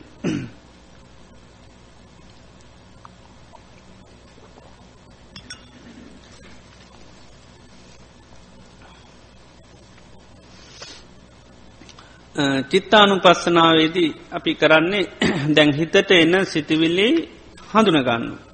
ඒ වෙලාවට විවිධාකාර සිතිවිලි එන්න පුළුවන් ඒ එන්න සිතිවිලි හැම එකක්ම හඳුනා ගැනීම තමයි චිත්තානු පස්සනාවදි කරන්න. එකයි සරාගංවා චිත්තන් සරාගන් චිත්තන්ති පජානාති සදෝ සංවා චිත්තන් සදෝ සංචිත්තන්ති පජානාති සමහරලාට ඔන්න රාග සිතක් හටගන්නවා. එතුකට ඒ රාග සිතක් හටගත්ත කියලා හොන්න හඳුනගන්න. හඳුනාගෙන ඒක අපි රාගසිත මොකක්ද කරන්න ඕනේ අයින් කරන්න ඕන. එතොට ඒක ආදීනු අපි බලනවා ආදීන බලන්නකොට ඒ රාග සිත අයින්ගෙනවා. ඊට පස්සේ රාග නැති ස්වභාවකට හිත පත්තන තොට අන්න මේ එතන රාගේ නැත්තං රාගේ නෑ කියලත් අන්න අවබෝධ කරන මේ වෙලාවෙ හිතේ රාගේ නෑ. ඒ විදිහට ඒ මොහොත්තේ විවිධාකාර සිතිවිලි එනවා ඒ සිතිවිලි හඳුනාගෙන ඒ ආදීන මෙනෙහි කරලා අයින් කරන්න ඕනි අර සිතට එන සිතිවිලි නිකම් මැරියොත් සමරලාට හිස්වෙනවා. එනිසා බුදුරජාණන් වන්ස පෙන්න්නන්නේ මේ ඒ එන සිතිවිලි හඳුනාගෙන ඒ ආදීනු බලන්ඩෝනේ. දෙදාවිතක්ක සූත්‍රයහෙම අහලතිනවන උපන්නංකෝමයා යම් ව්‍යාපාද විතක් ඔන්න මට හිතේ ව්‍යාපාද විතර්කය කටගත්තා. මේ ව්‍යාපාද විතර්කේ මට යහපත පින සේතුවෙනවාද අයහපත පින සේතුවනවාද විමසල බලන්න කියනවා. දැන් චිත්තාවනු පස්සනාන පස්සනා කියන සිතේ හටගන්න සිතිවිල්ල දිහා අන්න විමසා බලනවා. ඒ විමසා බලනකට තමයි ඒ අපිට අන්න මොන සිතත්ද කියලන නැත්තන් අපි ආපුගා මැරියගම් සිතිවිල් හඳුනගන්න බැරිවෙනවා. ඉතින් මොකද සිතිවිල්ල පිළිබඳව අපිට සුක සංඥාවත්තියෙන්නේ. ඉති ඒ නිසා ඒ සුක සංඥාව නැතිවෙනවා අපි ඒක පිළිබඳව ආදීනු බහුල වස්සයෙන් බලන්ඩිගෙ පහම්. ඉතිේ නිසා සිතිවිල්ල හඳුනාගෙන ඊට පස්සෙ කරන්න ඕනඒක ආදීනු බලන්ඩෝන. ඉතිං කල්ලතුවම අපි සාමාන්‍යෙන් ඉන්නකොටත් මේ සිතිවිලි පිළිබඳ හොඳ අවබෝධයක් තියෙන තොට තමයි සිතර සිතිවිල්ලක් කෙනකට හඳුනගන්න පුළුවන්. එතොට තම එකයි සරාගංවා චිත්තන් සරාගන් චිත්තන්ති පජානාති කියන එක එක තියෙන ඇත්ත ස්වභාවි හොඳටම තේරෙනවා. ඊට පස්ස එයා තම දුරටත්ඒගේ ආදීනමන තොට ඒ සිතිවිල නැතිවෙනවා. එතොට තව සිතිවිල්ලකාව ඒකත් ඊට පස හඳුනගන්න මේක මොකක්ද කියලා. ඒ විදිහට කරන්න ඕන. එතකොට සිතට නිතරම මේ යම් ක්‍රියාවක නිරතවෙන තොට හිස්වීමක් එහෙම නැත්තං වෙන්නේ නෑ. හිතේ නිසා මේ චිත්තානු පස්සනාව කරනකොට ඒ විදියට එනේන සිතිවිලි ඒ විදියට මේ කරන්න ඕනි විපස්සනා කරනකොට කරන්නේ අන්න තමන්ගේ සිතටත් මේ වගේ සිතිලියෙන අනුන් අයටත් මේ වගේ විධාකාර සිතිවිලෙනවා කියලා බල්ල ඊට පස්සේ මේ සිත හටගන්න මේ සිත කියන එක හටගන්නම කොහොමද? සිත හටගන්න මොකෙන්ද කියලන්න සමුදය බලනවා. සිත හටගන්නේ කුමකින්ද කියලා. ඉති අත්තං අජ්‍යත්තංවා චිත්තේ චිත්තානු පස්සේ වියරති බහිද්ධවා චිත්තේ චිත්තානු පස්සේ වියරති ඊළඟට සමුදය දම්මානු පස්සේවා චිත්තස්මි විහරති. සිතක හට ගැනීම බලමි වාසය කරන කොහොමද මේ සිත හටගන්න කියලා? හිත කියන එක නිත්‍ය වසයෙන් තියෙන එකක්ද නැත්තං හටගන්න එකක්ද. දැන් සිත හටගන්න මට හිතෙනවා කියලා නැ හිත සාමාන්‍ය හිතන මට හිතෙනවා නේද. මට මෙහෙම හිතුනා අපි සාමාන්‍යෙන් කියනවා. එතොට මේක බලනවා මේ සිත කියන්නේ කුමක් හට ගැනීමෙන් හටගන්න එකක්ද. කුමක් හට ගැනීමෙන් හටගන්න එකක්ද ඒ තමයි මකද සිත හටගන්න හේතුව අන්න නාමරූප හට ගැනීමෙන් තමයි සිත හටගන්න. එතවට අර සමුදේ දම්මානු පස්සීවා චිත්තස්මි විහිරති ගැන එක මේක හට ගැනීම බලමි වාසය කරනවා. ඒ තමයි නාමරූප හටගත්තුත් තමයි මේ සිත හටගන්න. එතොට එයා කාලයක් එහෙම පුරුදු කරනකොට යාට සිත කියන්න මේ හේතුව නිසා හටගත්ත එකක් කියන අන්න ඒ අවබෝධය ඇතිවෙන ඒ සිහිය පිහිටනවා. ඊළඟට සිතක් නැතිවෙන්නේ මොකක් නැතිවීමෙන්ද නාමරූප නැතිවීමෙන් සිත නැතිවෙනවා. එතොට ඒ දෙකම බලනවා නාමරූප හටගත්ව සිත හටගන්න නාමරූප නැතිවුණුත් සිත නැතිවෙලා යනවා. එතකොට අර සිත පිළිබඳව එක යත්ති චිත්තන්තිවා පනස්ස සති පච්චු පට්ටිතා හෝති.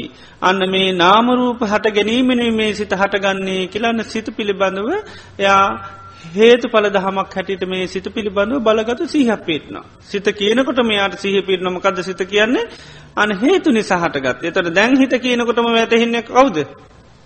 ඕ මම කියලනේ ආන්නේකයි. එතකොට අර බලගතු සීහයක් එයට පින හිත කියන්නේ අන නාමරූප හට ගැනීමෙන් හටගන්න එකක් නාමරූප නැතිවීමෙන් නැතිවෙලා. එතර හිත පිළිබඳවත් අනිශ්ිතෝච විහරති සිතහා සම්බන්ධ ඇසුරක් නෑ. දැන් සිතහා සමඟ ඇසුරත් තියෙනවද නැද්ද. තියෙනවා. ඒ තමයි නිත්‍යයයි සුකයි ආත්මයි කියලා. එහෙම නැත්තම් මමේ මාගේ මටයිතිී කියන අන්න දැකීමක් තමයි හිත පිළිබඳව ඒ විදිහට තමයි හිත දයා පස්සනා කරන්න අපි බලන්නේ. අන්න මේ විදියට බලන්නකොට එයාට පේනෝ නාමරූප හට ගැනීමෙන් හටගන්න නාමරූප නැතිීමෙන් හටගන්න සිතක් මිසක් මම මාගේ කියල මේකේ අල්ල ගන්න දෙයක් නෑ. එතුට සිත හාතියෙන් ඇසුර මොකද වෙන්නේ. නැති වෙලා එකයි අනිශ්චිතෝචි විහිරති සිත හා ඇසුරකින් තොර වාසය කරනවා. ඒ තමයි මම මාගේ මට අයිති කියලා ඇසුර පවත්තන්න යන්න ය දන්නවා. නාමරූප හට ගැනීමේ මේ හිත හටගන්නවා නාමරූප නැතිවීමෙන් සිත නැතිවලන යායට අභ්‍යන්ත්‍රික උපදින සිහයක් ඒක ආන්නක ඒ විදියට සිහි කරන්න සිහි කරන්න සිහ පිහිටනවා ඒකයි. සිහිය කියන්නේ සිහිකිරීම තුළ ඇතිවෙන එක සිහිකරොත් සිහ පිහිටනවා. ආන එක ද අපිට සමාරවත් සිහි නැති දේවල්තින අපි සිහි කරනවා. එතොට සිහ පිටනොත් නැද්ද? ද උදේර නැගිටින් ඕන සිහි කල නිදාගන්න ඇහැරෙනවාද නැද්ද? ඇහැරෙනවා. ඒකත් සිහිකිරීමේ ඇතිවන එක නිකන් නිදාගත්තොත් ඇහැරේද නෑ. සිහි කරල නිදාගන්න මං උදේ හතරට හොඳ ඇහැර නොමකද දානය දන්තය නැත භාවනාවට යන්න තියෙන නේද? ගොඩාක් වටිනාකම සී කළ නිදාගන්න එතවට ඇහැරෙනවා. සාමාන්‍ය ජීවිතයේ දෙයක් වුණත් අපි සමරලාට වැදගත්දේවල කරන්නුනොත් කීපවතාව සහි කරනවා. මේදේ අද කොහොමර කරන්න ඕන. එතවට මොකද වෙන්නේ? ඒක මතක හිටිනවා. ආනකයි තේ වගේ මේ සිත කියන්නේ අන්න හේතුන්ගෙන් හටේ ගත්ත දෙයක් කියලා අපි ඒක සිහි කරන සීකරන්නන්න සිහිපියන එකයි. අත්ති චිත්තන්තිවා පනස්ස සති පච්චු පට්්‍යතා හෝති. හේතුන්ගෙන් හටගත්ත සිතත් තියෙනවා කියල යායට බලගතු ලෙස සිත සිහි පිහික්නවා. එයාට හිත කියනකොටම සිතවිල්ල කටගත්ත කියනකරු දන්නම කද හේතුව කියලා නාමරූප හට ගැනීමෙන් තමයි මේක හටගන්න. එතොට හිතා කටගත්ත කියලා යා ඒකට බයවෙන්නේ නෑ දේශ සාගත සිතක් අවය දන්න මොකක්ද හේතුව. ඒ තමයි නාමරූප නිසා. නාමරූප නිසා නාමරූප හටගත්ත නිසා මේ චිත්තේ තින් මේ නාමරූප වනසුනාන මේ සිත නැති වෙලා යනවා. ඒකයි අපිට හැම වෙලේම හටගන්න හිතවිලි තිනවද. නෑ ඒ හට වෙලාවෙ හටගන්න නාමරූපත් එක්ක අන්න සිතත් නැති වෙලා යනවා. සමල්ලාට ඔන්න මොනහරි බල බලයි නොට කවුරට බයිනවා. ආසාාව මොකක් හරි බල බලඉන්නවා. එතොට මහා දරුණු ලෙස කවරුවට බැනගෙන නො එතකනම කක්ද වෙන්නේ. සිත වෙනස් වෙනවා. ඊට පස දේශයක් එනවා නේද. ආ ඒ වෙනසු නිමකකින්දද. බෝ මාසාාවෙන් හිටිය හිතට ඊට පස කේන්තියක් එනවා. එන්නේ අන්න නාමරූප වෙනස් වෙච්චිකම අන්න හිත වෙනස්සන ඇත නාමරූප හට ගැනීමෙන් හිතට ගත්තා ඒ නාමරූප නැතුරු ගමන් හිත නිරුද්ධන අය වෙන නාමරූප හටගත් ඉන්දේක හින්ද හිත හටගත්තා. ඒක තින තාකල්තේ එක නැතිවනට එක නැතිවලයනවා. ඊට පස්සේ ඒ දේශයෙන්ගෙනට කවරුවර අනිත් පැතිෙන් නාගෙනවා. පපු අමාරුව කියලේ. තොටමකද වෙන්නේ. එතොට ඒනාව රූපත් එක හිත වෙනස් වෙලෑනවා ආ ඒකයි. එතොට එස්සෝ අන්න මේ හිත වෙනත් සිතුවිලියන ඒ විදිහට මේ හිත වෙනස් වෙනවා. ඊළඟට අර බයින වෙලාවට හිත සමාර්ගෙනුට භාවනා කරන්න පුළුවන්. එතොට මොකද වෙන්නේ. අන්න යාට අන්න අනුත්තර හිතක් පහලන එතකොට. එයාගේ හිත අර කෙලෙස් වලින් මිදෙන් නැතු යාට හොඳ විදර්ශනාවේ හිත පිටවාගෙන ඉන්න පුළන් තොට මොකද වෙන්නේ අර ලෞකික හිතක් එයාට ඒ වගේ රාගදේශ මොහාගේ වෙලිචි තන්න යාට අන්න හොඳ මේ අනුත්තර හිතක් ඒක. ආන්නේක තේවිදිහට මේ ඒ මෝති හටගන්න නාමරූපක තමයි මේ හිත හටගන්න. නාමරූප හට ගැනීමෙන් හටගන්න නාමරූප නැතිවීමේ නැතිවලන එතට නිතර අවබෝධ කරගන්න මේක හේතු පල දහමක්. මොකද සෝතාපන්න වෙනකොට ප්‍රධානතියන අවබෝධමකක්ද. මේ හේතු පලදාම අර මේ කෞද කොන්නඥ ස්වාමින්න්සෙත් මුලින් අවබෝධ කරගන්නම කදේ. යංකින්චි සමුදය දම්මං සබ්බන්තං නිරෝධ දම්මං යමක් හේතුන්ගෙන් හටගත්තවාද ඒවා හේතු නැතිීමේ නැති වෙලායනවා. ආන්න ඒක තමයි අවබෝධ කරගන්න සෝතාපන්නේ නා කෙනාට නිතරම යංකින්චි සමුදේ දම්මං සබ්බන්තන් නිරෝධ දම්මං. යමක් හේතුන් හටගත්තද හේතු නැතිවීමෙන් ඒදේ නැති වෙලා යනවා. ඉතේ දැක්ම තමයි ඇතිවෙන්නේ. දේ නිසා තමයි අර ජීවිතය පිළිබඳව සක්කාය දිට්්‍යය තිබනං ඒක නැතිවෙන්නේ තන්නහා මාන දිට්ටිමේ ඔක්කොම කෙලෙස් තුනී වෙලා යන්න එතකොටයි.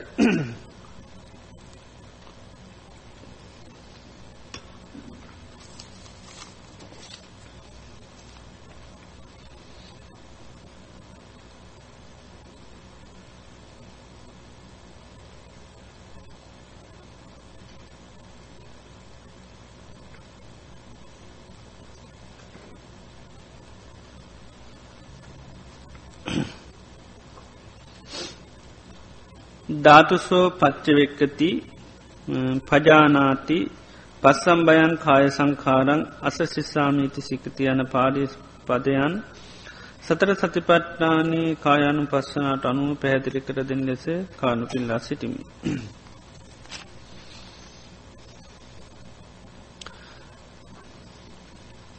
ධාතුසෝ පච්චවික්කති ගැන්න වෙනම තැනක මේ විපස්සනා කරන ක්‍රම පෙන්නෙනවා බුදුරජාණන් වහන්සේ ආයතන වසයෙන් බලන්ඩ කියනවා පටිි සම්පාද වසයෙන් බලන්ඩ කියනවා. ඊළඟට මේ ධාතු වසයෙන් දේවල් බලන්ඩ කියනවා. එතකොට ධාතු සෝපච්චවකති කියන්නේ මොනහරි දෙයක් කටගත්තට යා ඒවා ධාතු හත් වසයෙන් වෙන් කල්ලා එයා බලනවා. ඒක තමයි ධාතුසෝ පච්චවෙක්කති කියන දැන් කයගත්තොත්තේම කය පිළිබඳව බලනවයා ධාතු වස්සේ. මේ කය කියන්නේ ධාතු හතරකින් හටගත්ත එකක්. සතිපට්ටාන පෙන්නන්නේ මේ අත්තිී මස්මින් කායේ පටවී ධාතු ආපෝතයාතු තේදූධාතු වායුධාතු කය ගැනකින යතාටිතන් යතා පනිහිතන් කය තියෙන විදිහටම පීති විදිහටම. තමන්ගේ කය තියෙන විදිහටම පිහිටි විදිහටම ධාතු සෝ පච්චවෙක්කති ධාතු වසයෙන් බලනවා.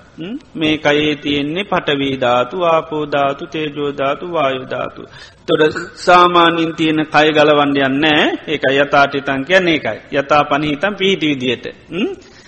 අන්න ධාතු සෝ පච්චවෙක්කති පත්්‍යේක්ෂා කරන උමක් කැටිද්ද ධාතු හැටියට. ධාතු හැටියට පත්වේක්ෂා කරනවා. ධාතු සෝ පච්චවිකති අත්තීමස්මින් කායේ පටවීධාතු ආපෝධාතු තේජෝධාතු වායෝධාතු කියලා. එතවට මේ සාමාන්‍යෙන් අපේ කය අපි අරමුණු කරගන්න මෙතන ධාතු හතරත් තියෙන හැටියට යසේකන පච්චවයකති කැන එක පත්වේක්ෂා කරල බන්න මෙතන තියෙන්නේ පටවී ධාතුමයක තදගතියෙන් ගොරෝසු ගතියෙන් යුතු පොළොවට පස්වෙන ස්වභාවිතු පටවේ ධාතු තියන්නේ. ආපෝධාතු කැන මේක වැගිරෙන ස්වභාවිතු දේවල් මේ අයේ තියෙන්නේ. තේජෝ ධාතුමයක උස්නත්තේ තියෙන් වායෝධාතුමයක වාතයක් තියෙන්නේ. තොර මේ කය කියන්නේ එකයි සතර කොට සත්‍යයන එකයි ධාතු හතරක් හැටිටයා සිහි කරනවා. එතෝට කය කියනකොටම යාහට සීවෙන මේක තියෙන්නේ ධාතු හතර ආනකයි කාලයක් ඒකයි පච්චවෙක්කති කැන පත්වේක්ෂා කරනවා දිගට කරන්න කරන්න කරන්න සිහිය පීටනවා අන්න කය පිළිබඳව මේ කයේ ධාතු හතරත් තියෙන්නේ කියලා. ඉතින් ඒ විදිහට කායනු පස්සනාවරණ කෙනෙකුට ඒ ධාතු කරමස්ථානය විදියට වඩන්න පුළුවන්.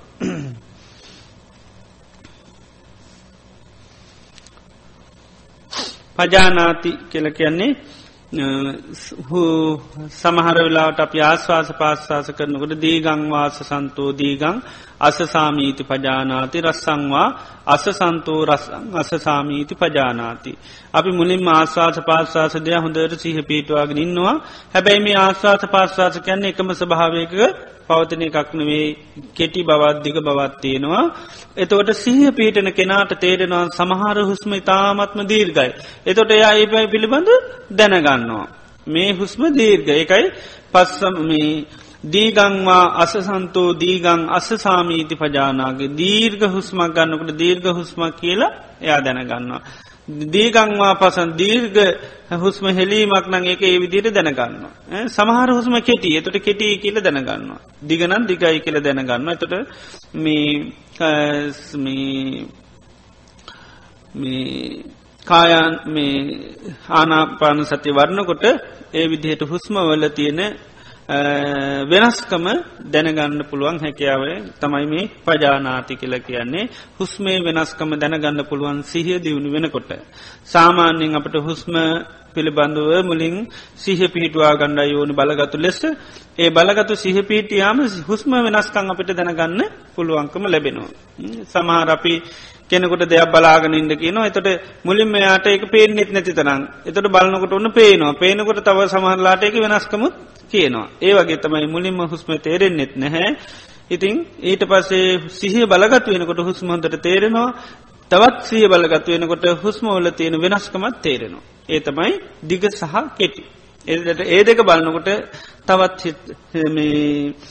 මේ හුස්ම පිළිබඳව තවත් අවබෝධයට පත්වන්න පුළන් මොකද කය සංසුන් වෙන්ඩ වෙන්ඩ හිත සංසින් දෙන්න සංසින්ද ඊට පස්සමකක්ද වෙන්නේ ආස්වාස පාස්වාසත් සංසින්දෙනවා. එතොට යාගේ බලගතු සිහ නිසා පස්සම් බයන් කාය සංකාරං අස සිස්සාමත මේ කාය සංස්කාර දැන් සංසිින්දෙනවා. ඒ සංසිින්දන ස්වභාවයාට තේරෙනවා. ආන එක නොදනී යන්නේ නෑ එයට තේරෙනවා. ඉතාමත්ම සිවුම් වෙනවා. එයාගේ සිතත් ඒ තරමට සිහියත් ඒ තරමට බලගතු නිසායාට ඒ සිවුන් ස්වභාවය හොඳටම තේරන. එතට මේක දැන් සංසිින්දනවා අන්න එකයි පස්සම් භයන් කාය සංකාරං අස සිස්සාමීති සික්කති එතොටත් ලාස්වාස පාස්වාසේම ඉන්න පුළොන්යාට. ඒ ධර්මට යාගේ හිත සිහිය තාමත්ම බලගතු ලෙස අන්න සිහි බලගතු වෙලා. දැන් ගොඩක් අයට ටිකක් කලා යනකටමකද හුස්ම තේරෙන්නේ නැහැ. ඒ තේරෙන් නැත්තේ හේතුව තමයි සිහිය බලගතු වෙලා නැති නිසා. ඒකයි සතිපට්ටාන දේශනා කරන්න කාටද සිහ තියෙන කෙනාට කියල කැන්නේ එකයි. මම මේ සතිපට්ටාන දේශනා කරන්නේ සිහිය බලගතු අයට පමණයි. අනිත් අයට අමාරුයි. මේ ස්වභාවයන් වෙනස්කන් දැකගන්න බැරිවෙනවා.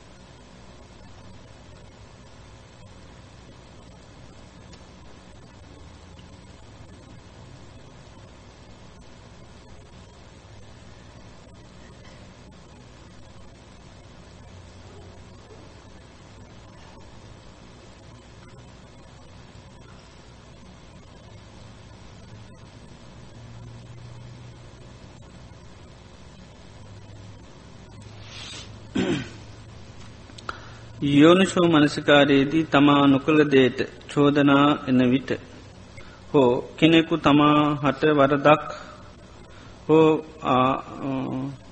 පාඩුවක් කරන විට නිස්සද්දව මේ ලෝක වසයෙන් පරාජ්‍ය භාර ගන්නේද සංසාරික වස්සයෙන් ඒ ජයග්‍රහණයක් කර යක් බැවිනි. එවැනි අවස්ථාවක තමාගේ මනස හැඩගසා ගත යුතු ආකාරය පැහැදිලි කර දෙනු මැනවී. එනම් සිතන ආකාරය එයට මුහුණ දෙන ආකාරය.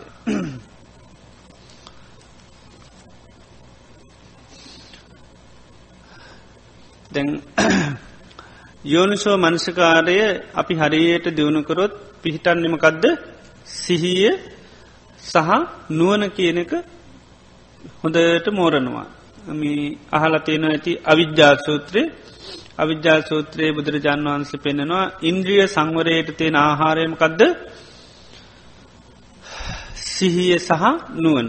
ඉන්ද්‍රිය සංවරයට තියෙන ආහාරය කැන ඉන්ද්‍රිය සංවරය කියන අපේ තුළ පෝෂණය වෙන්නනම් ඉන්ද්‍රියන් අපේ පෝෂණය වෙන්න නම් අන්නේ ඉන්ද්‍රිය සංවරය පෝෂණය වෙන්න තියෙන ආහාරය තමයි සිහිය සහ නුවන.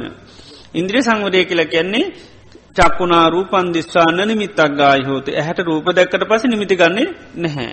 එතොරේ නිමිති ගන්නේ නැතු ඉන්දනම් අන්න සිහිය සහනුවන තියෙන් ඕනි. එතට ඉන්ද්‍රිය සංවරයට තියෙන ආහාරයතා තමයි සිහිය සහ නුවන්. එතුට සිහිය නුවන තියෙන ආහාරයමකදද යෝනිසෝ මනසිකාරය. යෝනිසු මනසිකාරය තමයි සිහිය නුවනට තියෙන ආහාරය. එතොට කෙනෙක් ඔන්න සෝමනසිකාරය කරනවා නංගයාට නිරන්තරයම සිහිය සහ නුවන කියනෙක වැඩෙනවා. ඒ සිහිය නුවන වැඩුණු තැන තමයි ඉන්ද්‍රිය සංවර වෙන්නේ. එතොට අනිත් පැත්තෙන් ගත්තු තින්දි අසංවර වෙන්නමකක් නිසාද සිහිය සහ නුවන නැතිකම. එතට සිහිය නුවන නැතිවෙන්නමකක් නිසාද අයෝනුසෝ මනසිකාරය නිසා. අපි කිමු අපිට කෙනෙක් දෝෂාරෝපනයක් කළ චෝදනාවක් කරනවා.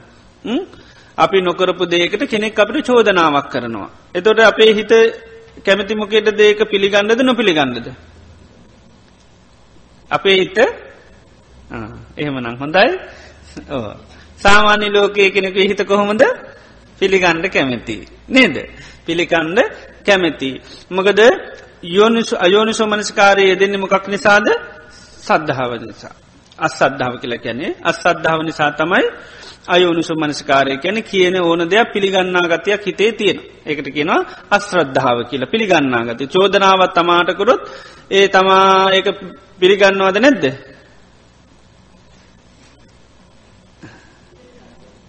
පිළිගන්න නැත්තං අයෝනුස මනස්කාරය දෙන්න පිළිගත්තුත්මකද කරන්නේ? අයෝනුස මනස්කාරයේ දෙනවා අපිට කවුහට බොරු චෝදනාවක් කරන දැම කියන්නේ නේද? බොරු චෝදනාවක් කරන විට.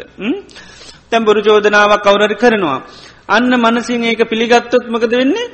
ඒ ගැන කල්පනා කරන එයිමට යහෙම කිවී ඇයි එහෙම කියන්න හේතු? අයා ආපුගඳ මං අහන්න. මං එහෙම කිව්වද? මං එහෙම කරාද?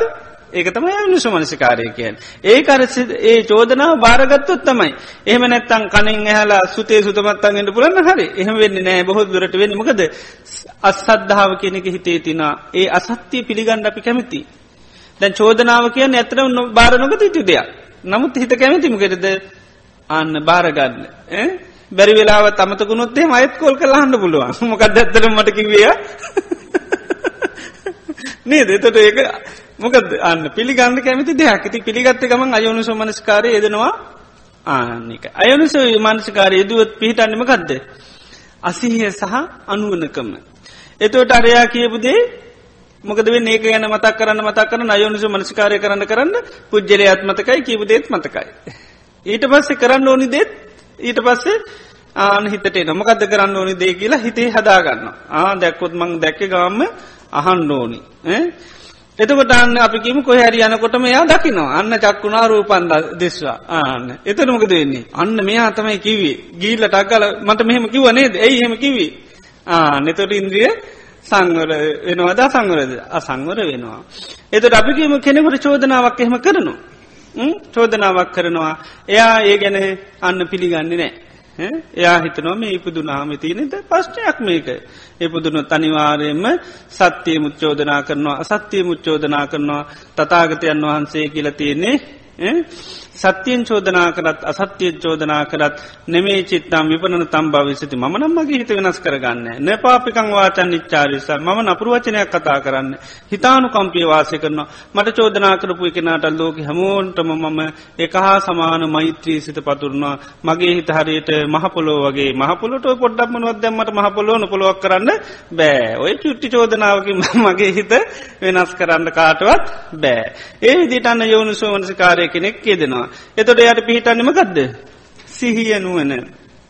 එතොට එයාට අත්තර චෝදනා කරපය කෙන සමල්ලාට දකිනවා. එතොට ඇතිවේද. නෑ එතකොට ආන්‍යයාගේ ආනින්ද්‍රිය සංවර වෙන්න සංවරන යායට පේන කවුද අනුකම්පා කළ යුතු කෙනෙ අනේ කෙලෙස් නිසා කරගන්න දේවල්වලින් සංසාරය මුණ තරන් දුක්විනි දනේ මෙයා සුවපත්වේවා කියලා ආන්න මෛත්‍රී කරණ්ඩයාට පුළුවන්. එතොට යාට අර රූපේ ගැටන රූපයක් වෙනවාද. නෑ. ගැටෙන්ඩ කවුද දාගන්න? සිහයට තමයි දාන්න මෙයා එක ගැටෙන් ඩෝනි කියලන්න සිහට ඒක දාරනෑ සීර දාලතිනමකක්ද අන්න එයා කරේ අනු කම්පා කරන්න. මිච්චා සතියට දාන්න දාන්නේ දැක්ක ගමම ගැටෙන්ඩ අන්න ගැටෙන්නේ නෑ. එතට ඒක වෙන්න මොකෙන්ද? යෝනිසෝ මනසිකාරයෙන්. චෝදනා කරනකොට යාය චෝදනාව පිළිබඳව නෙමේ කල්පනා කරන්නේ. අන්න ඉපදිච්චි නිසා තියෙන පස්න එම නැත්තං මේ කෙලෙස් නිසා මිනිසු මේ වගේ චෝදනා කරන තියාගේ පස්්නයන්නේ මේ කෙලෙස් පස්්නයක් කෙලෙස් සිතා කටගත්ත මේ වගේ අභිත චෝදනාවක් කර. ආන්න එකයි. දේ නිසා මේක යාට අනේ බොහෝ කාලයක් මේ දුක්මිදින දෙයක්න මේ හදාගෙන තියනෙ. නිසා මේ වගේ චෝදනාවන් නොකර හිත පිරිසුදු කරන පිරිසුදු පුද්ජිලෙක් වේවා කියලාන්න යෝනු සෝමනසිකාරය කරන කෙන එයාට මෛත්‍රී කරන්න පුළුව අන්න අර පස්නෙත් එකයා ගැටුමක් ඇතිකන්න එතොට යට සිහනුවන තමයි පිහිටන් එතොට යට සම්මුකේදත් අර සීහියනුවන තියෙනවා. ඒ වෙලා වෙත්තේ අත් එක්ක ගැටින්න යන්නේ නෑ ආනක ඒ නිසා යෝනි සෝමනසිකාරය ඒ විදිහට පවත්තල තියෙන කෙනාට පුළුවන්. නැත්තන් සමත්වයක් වසයෙන් නිතරම කකචූපම අවවාදය සිහි කරනවා නං ඕවගේ පස්නවලදී අන්න තමන්ට ගැටෙන් මේ නොගැටීන්න පුළුවන්. එම නැත්තං ඒ කකුචූපම අවවාද කියනවා අපිට මේ ලෝකයේ ජීවත්වෙනකොට බුදුරජාණන් වහන්ස කියනවා වචන විවිධ විදිහට එනවා. මිනිස්සුන්ගේ වචන විවිධ විදියට එනවා කාලේනවා කාලේනවා. එකන මිනිස්සු අපට දේවල් සුදුසු තැන කියන්න පුළුව නුසු තැන කියන්න පුළුවන්. දැන් අපේ හිතේ තියෙනවා මකදද. එත්තරා සීමාවත්තියනවා. මොකදද සීමාවත්තියනවා. ඒ සීමාව ඉක්මෝපු තැනමක දෙන්නේ රතුකට්ට පයිනවා. ඉති ඒ සීමාවත්තියනවා. ඒ සීමාව කඩා ගණ්ඩෝනි. ඒක සීමාව හිතේ කඩාගන්න එතොට කරතු කටු නෑ. ඉතිං හොඳට බලන්න සුදුසු තැනක චෝදනාවක්කරොත් ත්‍රිකක් පිළිගන්න පුළුවන්. නුසු තැනක මොහොරකිවොත් ආන ද මේ වගේ තැන ඇවිට චෝදනාවකරුත්තයම ටැ කමාරුයිනි නේද? දැන් තනියෙන් ගෙදෙට විල්ල කිව්ව ඒක එච්චරම අමාරු නෑ. අන්න හිතේ තින දැන් අපි කැමති කොහ අපට චෝදනාවක් කරන ඕන ගෙෙත් ඇවිල කරන්න මෙතෙන් ඩැවිල කරන එක සාධන්න හාමුදුරුව ඉන්න මෙතිල් පිටිස ඉන්න හරි නෑන එක එතන මෙතෙන් ඇවිල කිව ගවන් තරහයන්න නැද්ද? ආන්න තරායනවා ඉති ඒ හිතේ තියෙන සීමාව කරල දානවා. ඒකයි කාලේනවා කාලේනවා සුදුසු තැනවෙන් ඩප්පුදුරුවන් මුසු තැනවෙන් ඩප්පුල මට අය විවිධ නින්ද හපාස චෝදනා අබවාද අනුශාසන ඔක්කොම කරන්න පුළුවන්. ඊළඟට සන්නහෙනවා පරුෂේනවා. සමහර වෙලාට හොඳ වචනවලින් කියන්නක් පුළුවන් පරුෂ වචනයෙන් කියන්නක් පුළුවන්. අපිට අවාදයක් දෙනකට හොඳ වචනින් කිවත් එකක් පුළුවන්. සමහරලාට අව කැපෙන වචනවලින් කියන තුට අපිගෙන කියපු ක්‍රමේ හරිගියන ඇනි සමම් පිලි නේද. එතකට අපිට කේන් කියනවා. අවවාදයක් තමයි නමුත් කියපු වචන හරිනෑ. වචන සැට්ට කරගේ නතුන් හමත්මක දෙන්නේ එතනත් හිතර කේන් තියෙනවා. ඕවගේ දේව ලොහම කියන්න හොඳ නෑන අපි කියනවානේ. නේද ආන එක එතට සැර පරුෂ වචන පාච්චි කරලා හොඳ දෙයක් කිව සමටක එන්ති යනවා. ඒ නිසා ඒ නට බුදුරන් වන්සකිනවා මේ ලෝකින් අපිට අන්න පරුෂ වචන මුත් දේවල් කියන්න පුළුවන් හොඳ වචන ොලි මුත් කියන්න පුළන් දෙකදීම අන්න නෙමේ චිත්තම් විපරණ තම්බයි ම නම් මගේ හිත වෙනස් කරගන්න. ඊළඟට සත්‍යයනවා අලිකේනවා සමාරයවා ඇත්ත. ඇත්තක්තින් චෝදනාවක්කරොත් පිළිගන්න පුළුව ටිකක් පුළුවන් බොරු චෝදනාවක්කරුත් මකදන්නේ අන්න අමාරුයි. ඒ නිසා සත්‍යයක් වෙන්න පුළන් අසත්‍යයක් වෙන්න පුළන් ඒ දෙකේදී මන්න හිත වෙනස් කරගන්නෑ කියල පුුණුවෙන්න කියනවා. ඉළඟට මෙත්ත චිත්තේනවා දෝ සන්තර සමහර වෙලාට මෛත්‍රියෙන් දෙයක් කියන එතකොට පුළුවන්. දේශයෙන් දෙයක් කියන එතන උකම දෙන්නේ. දේශයගෙද්දී අමාරුයි ආනයමයි එතොට කෙනෙක් අපට බොහම කේන්තින් තරහකිව ගම් අපට හොඳ දෙයක් වුණත් ඒක දරාගන්න බැහැ. ඉතින් එනිසා හිතන්න කියනවා අපිට මේ ලෝකයේ අනිත් අය දේශයමුත් කතා කරන්න පුළුවන් මෛත්‍රී සිතුමුත් කතා කරන්න පුළුවන් අන්නේ තැන් දෙහෙකදීම මම අන්න නමේ චිත්තාම විපනන් තම්බද මම නම් මගේ හිත කන්න. ඊළඟට අර්ථ සම්පන්න වෙන්න පුළුවන් අර්ථ විරහිත දේවල් වෙන්නක් පුළුවන්. ද අර්ථ සම්පන්න දෙයක් කියනක පුළුවන්. නිකාම් වැඩ නැති දේවල් කියනකට කේන්තියනවා සමල්ලාර නේද. හිත ඒ නිසා කියනවා අනිත් අය අඩග කොය ගෙදෙට්ටාපම සම ආර්ථ සම්පන්නව කතා කරන්න පුළුවන්. කිසිීම වැඩක් නැති දේවල් කතා කරන්න පුළ මම මේ භාවනා කරනගෙන මට මොට මොකට දව්වා නේද. ඌහපුවාම අපට මේ වෙනවා. එතනදී යන්නවේ ආනර්ථ විරහිතේව කතා කරා කියල එතනත් සමන්ලාට හිතට දේශයක්කෙන්ට පුළුවන්. ඒ නිසා ලෝකයාගෙන් බලාපොරොත්තුවෙන්ද කියනවා අර්ථ සම්පන්න දේවල් කතා කරන්න පුළුවන් අර්ථ විරහිත වෙන්න පුළුවන්. අන්නේ විදිහට හිතේ තියෙන සීම කඩාගන්න කියනවා. ආන්නේ කඩාගත්ත හම අන්න මේ ඕන විදිේ දේවල් මිනිසු කිව්වත් අහගෙනින්ද පුළුවන් කිසිම තැනකදී හිතේ අන්න කේන්තිය තරහක් ඇතිකරගන්න හිතේ තියෙන සීමාව කරලදා නොව තියෙන සීම. ඉතිං ඒවා ඒ විදියට සිහි කරලා සාාවකයට අයිංකර ගන්නකෙනවා මේ කිසිම තැනකදී නමේ චිත්නම් විබට තම් භවිස මනම් මගේ හිත වෙනස් කරගන්න ඇන පාපිකං වාචන් නිච්චාරශාමි මම නපුරුවචනය කතා කරන්න හිතානු කම්පිය වාසිත. ම බොහෝම හිතුවත්තයට වාසය කරන මෙත්ත චිත්තේන මෛත්‍රියෙන්. න දෝසන්තරාය දේශයකින් තොරව මේ විදියට නින්දහපාස කරන සත්‍යය අසත්‍යයෙන් හෝ බේවා හැමෝටම මම වෛර නැති තරහනැති මෙස්සිතින් වාසය කරනවා කියලා මෛත්‍රී දියුණු කරන්න කියනවා. අනේ මේ වගේ දේවල් කරන්න මේ කෙල්ලෙස් සහගත හිත් ඒ නිසා මේ කිසිම වැඩක්යන්ම නැති නුසුසු තැන සමාන්ට මේ පරුස වචන මිනිසු මේ කතා කරන්න ඒයගේ හිතේ තියෙන මේ කෙලෙස් ගති නිසා මේ වගේ දරුණුක මත්දන්න අනේ මේ අයගේ හිත්සුව පත්වෙලා මේ කෙලෙස් නැතුවල මේ සූපත් පුද්ජුලෝ බවට පත්වේවා කළ මෛත්‍රිකරන සබ්බී සත්තා බවන්තු සුකිතත්තා කියලා. ඉතින් ඒ විදිහට අපි හිත සකස් කරගෙන හිටියොත් ඒ වගේ තැන්වලද අපිට අන්න මේ හිත පාලනය කරන්න ගන්න පුළොම් බුරු චෝදනාවක් කියලා එකට ගැටෙන දෙයන්න මකද ලෝක අපිට ලැබෙන දෙයක් ඒක. ඇත්ත චෝදනා ලැබෙන්ඩ පුළුවන් බොරු චෝදනා කරන්නත් පුළුවන්.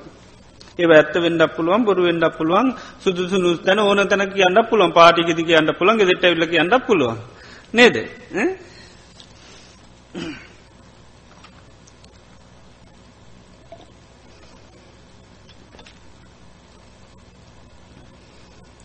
සත ආහාර නිරෝධ කිරීමෙන් කය නිරුද්ධ වෙන්නේ කෙසේද.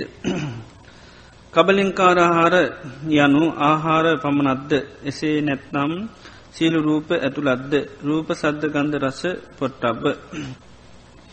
පස්සාහාර යනු බාහිර අභ්‍යන්තර ආයතන විඤ්ඥානය එකතුවීමද. එසේ නැතිනම් ශරීර ස්පර්ශයද. මනෝ සංචේතනා යනු චේතනා සංස්කාරද විඤ්ඥානය ආහාර යනු දැනගැනීමට දැනගැනීමද සතරාකාර ආහාර නිරුද්ධවීමෙන් මේ තමයි ඇත්තටම අපේ මේ පැවැත්ම නැතිවෙන්නේ තොට ආහාර නිරුද්ධ කරනවා ගැන ආහාරවලට තින තන්නහාාව නිරුද්ධෙන්න්න ඕන.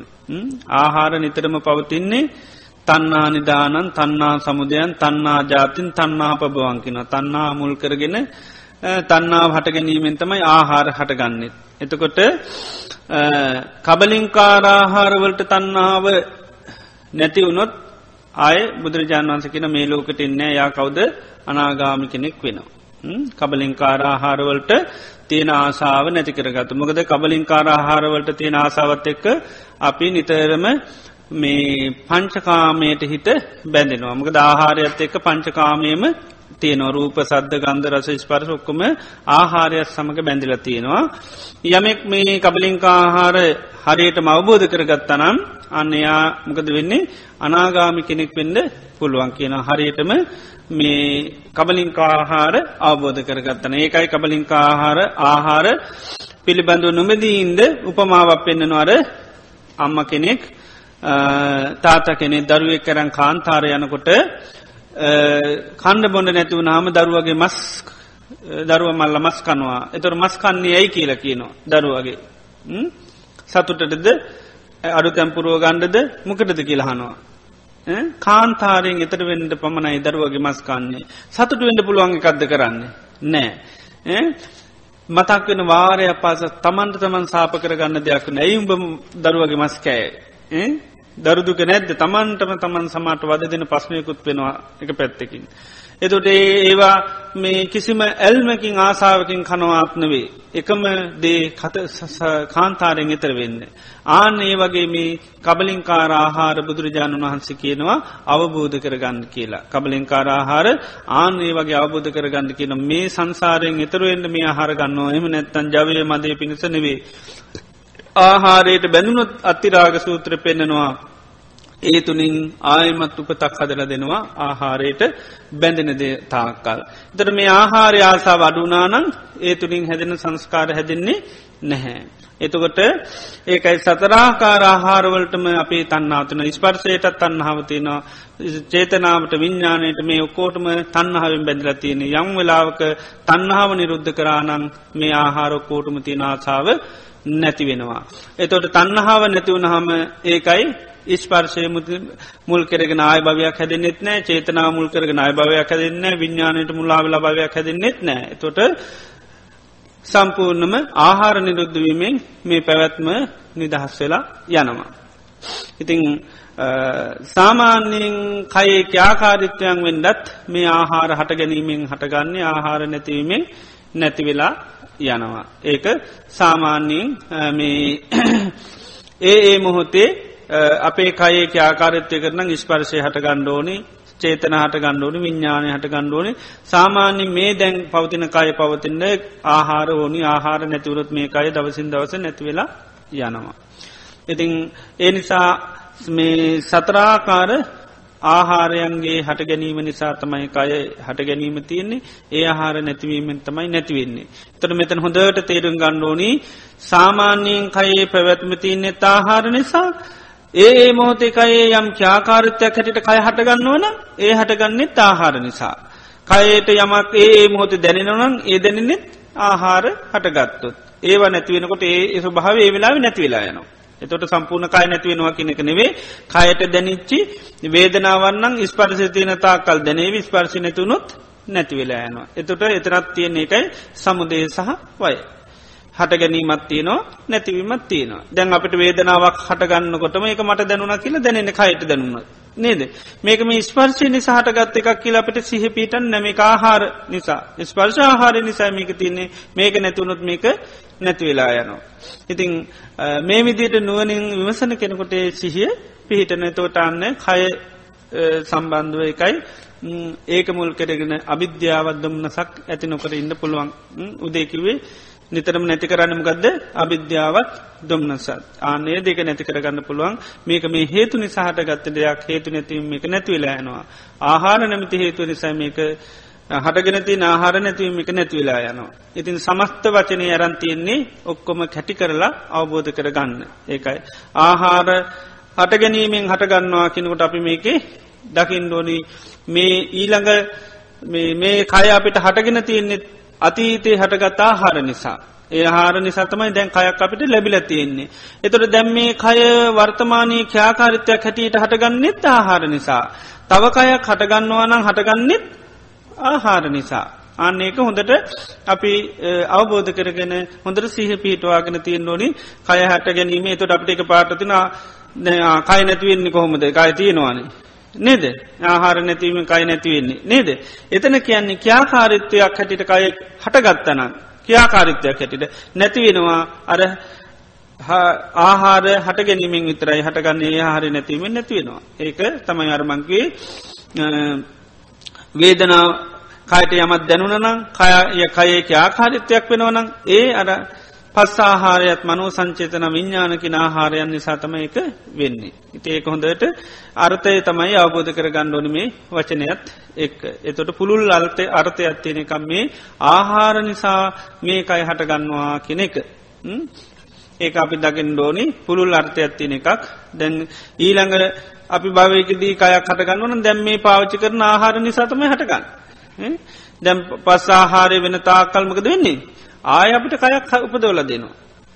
කයවිතරන්නේ අනිත්තේවත් නමුත් දැම්මතන අපි කායානු පස්සනාව කය හටගත්තේ මකක් නිසාද බලන්නකොට. දැම් මේ අපිට හටගෙන තියෙන කය හටගෙන තියන්නෙත් අතීතේ සකත්සච්ච ආහාර නිසා.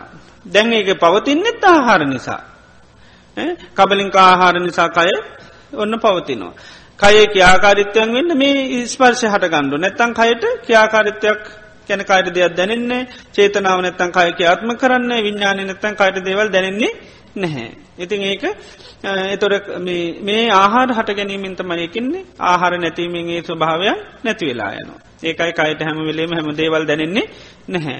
හේතු හට ගැනීමෙන් හටගන්න හේතු නැතිවීම නැතිවන. තොට මේක මට දැනෙනවා මටරි දෙනවා කියන එක ගන්න නැතුව ඒකයි බලනවා හේතු පල දහමක් හැට ඒක මේ කායානු පස්සන අපි බලාගෙනැවිල තියෙන අන්න කයදිය මගේ එකය මට අයිතිකය. ඒම බලපිහින්ද තමයි අපි සංසාරය යන්නේ. ඉතින් බුදුරජාන් වහන්ස බලන්ඩි කෙන මේක හේතු පල දහමක් හැටියට. ඒක තමයි මේ සමුදේ දම්මානු පස්සේවා කායස්මි විහරති විහරතිකන වාසය කරනවා. වාසය කරන්නේ අන්න කයේ හට ගැනීම් බලනොමකක් නිසාද මේක හටගන්න. එතොට යාට කාලයක් බල බල වාසය කරනකට පේනවා මේක අන ආහාර නිසා හටගත්ත කයක්. ආහාර නැතිවීම මේක නැතිවෙලා යනවා. තර සම්පූර්ණ කයේ නිදහස් වෙන්න තාහාර නිරුද්ධ වෙලා එන්නු නේ නිරුද්ධ වෙන්න මොකක් නැතිව නිරුද්ධනද තන්නහාව නිරුද්ධ වෙච්චි දාක ඒකයි.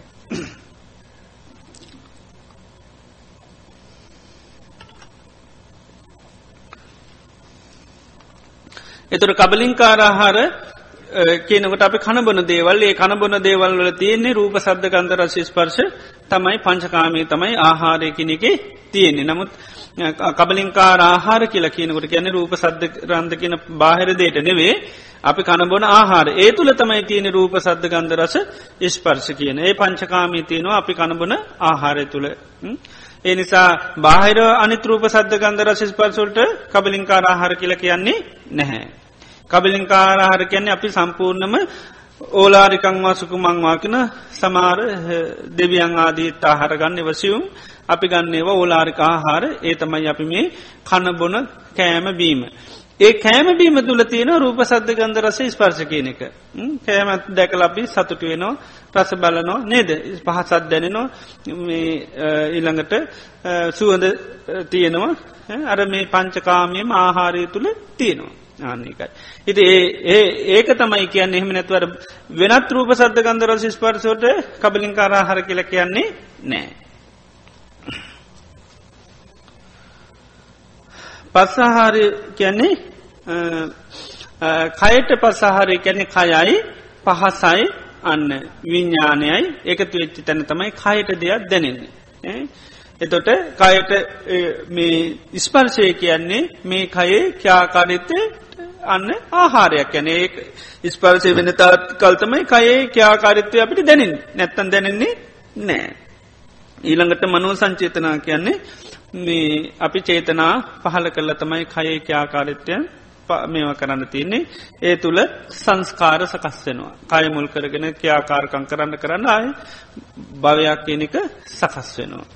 විඤ්ඥානය කියන්නේ කයට දැනෙන දේවල්. ඒකන කාය විඤ්ඥානය කියලකි නන්නේද කයේ මේ විඤ්ඥාන හැටගත්තාමික කියන කාය විඤ්ඥානය කළේ තොට ඒ විඤ්ඥානයත් කයේ ක්‍යාකාරිත්වයට ආහාරයක්. මේ විඤ්ඥානය අයින් උනානං කයදාටමකක්ද දරකඩක් වගේ තත්වට පත්වෙන. ඒක තියන තාක්කල්තමයි මේකේ ක්‍යාකාරිත්වය තියෙන්නේ. ඉතිේ නිසා මේක ඒකයි සම්පූර්ණ කය කියන හේතු නිසා පවතින එකක්.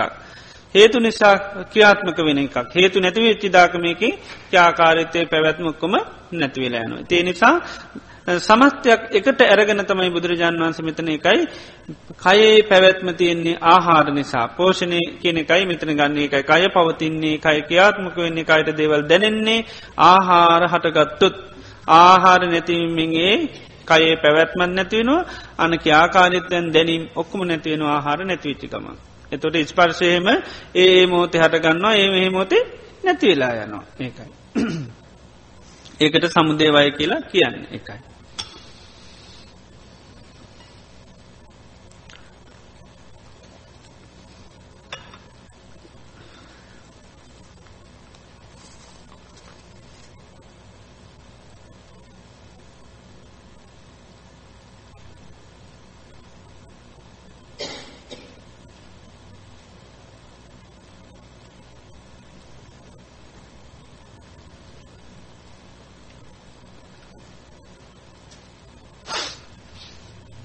අට්ටික සංඥා වැඩීමේදී මේකයි යට සැකිල්ලත් තිබෙන්නේ කියා මෙනෙහි කරමින් සිටින විතා ඉක්මනින්ම කය සැහැල්ලිවී යන ගතියක් සහ කය නොදැනී යන ස්වභාවයක් සහ ඇගිලි තුරු පමණත් දැනෙන ස්වභාවයක් ඇතිවී කරුණා කර මේ ගැන පැහැදිලි කර දෙනමින් ඉල්ලා සිටිම. දැන් අට්ටික සංඥාව වඩනකොට හොඳට අර මනිසිකාරයට හිත යොමු කරන්න. ඒක තමන්ගේ කය ඇට සැකිල්ලක් හැටිට බලන්. එහෙම නැතුව මේ අර තමන්ට එක දේවල් සමාන්ට මනසට දැනන්න පුළන් ඒවට යොමු කරන්න ඇතුව හොඳට මනසිකාරය කරමින් මේකයි යට සැකිල්ලත් තියන්නේ. තෝට හරියට භාවනාව හොඳට වැඩෙනවාන සම්පූර්ණ කය බුදුරජාන් වන්ස පෙන්න්නනවා තමන්ගේ කයට සැකිල්ල කැටිට පේන පුළුවන්. එතට මෙතනද අපි සමාධයක් වඩන්න නිසා ඒ දිහා බලන්න හිත එක්තැන් කරන්න කරන්න. සිත මේ විසිරෙන සිත අන්න එක් තැන් කරගන්න එක අරමුණකට තමයි මේ කය පිළිබඳ එකයි සති පට්ටාන කැන සිහ පිටෝ ගන්න කය පිළිබඳ. එතට වෙන කොහේවත් සිත යන්න නෑ පවතින්නේ කය සම්බන්ධුව. ඉතින් ඒනි සපේ ප්‍රධාන අරමුණ වෙන්ඩුවන් මේ හිත දුවන හිත එක් තැන් කරගන්න මම මේ කරන ව්‍යයාමක්. එතොට කයේ ස්වභාවයම් බලන්ඩනවේ ඒවා දැනු නොදැනුනත් අර මනසිකාරයත් එක්ක හොඳට අර්ථය ඇති කර ගන්න මේ එකයි කෙනකොට හොඳට තමන්ගින් නිරි අවදිහා බලන්න. ඉළඟට ඇට සැකිල්ලත් තියන්නේ කෙනුන් මේ කය ඇට සැකිල්ලක් හැටියට අර සංඥාවක් හැටියට එක නතික සංඥා කියන්නේ සංඥාවක් ඇටියට තමන්ගේ දිහා බලන්නවර බාහිරුව දැක්ක ඇයට සැකිලි ස්වභාවී. ඉතිං මනසිකාරය අතහරින් දෙපා ගොඩක් වෙලාට එන්න අපි මැදට යනකරමකද වෙන්නේ පොඩි දෙයක් දැනිචකවන් ඒකට හිතුවම කරනවා ඊට පත් අප කරපු වැඩේ නතර කරනවා. ඉති ඒතවට ඒද ඒ සභාව නැතිවනකොට තවතිකම්මනු හරි එකක් දැනෙනවා.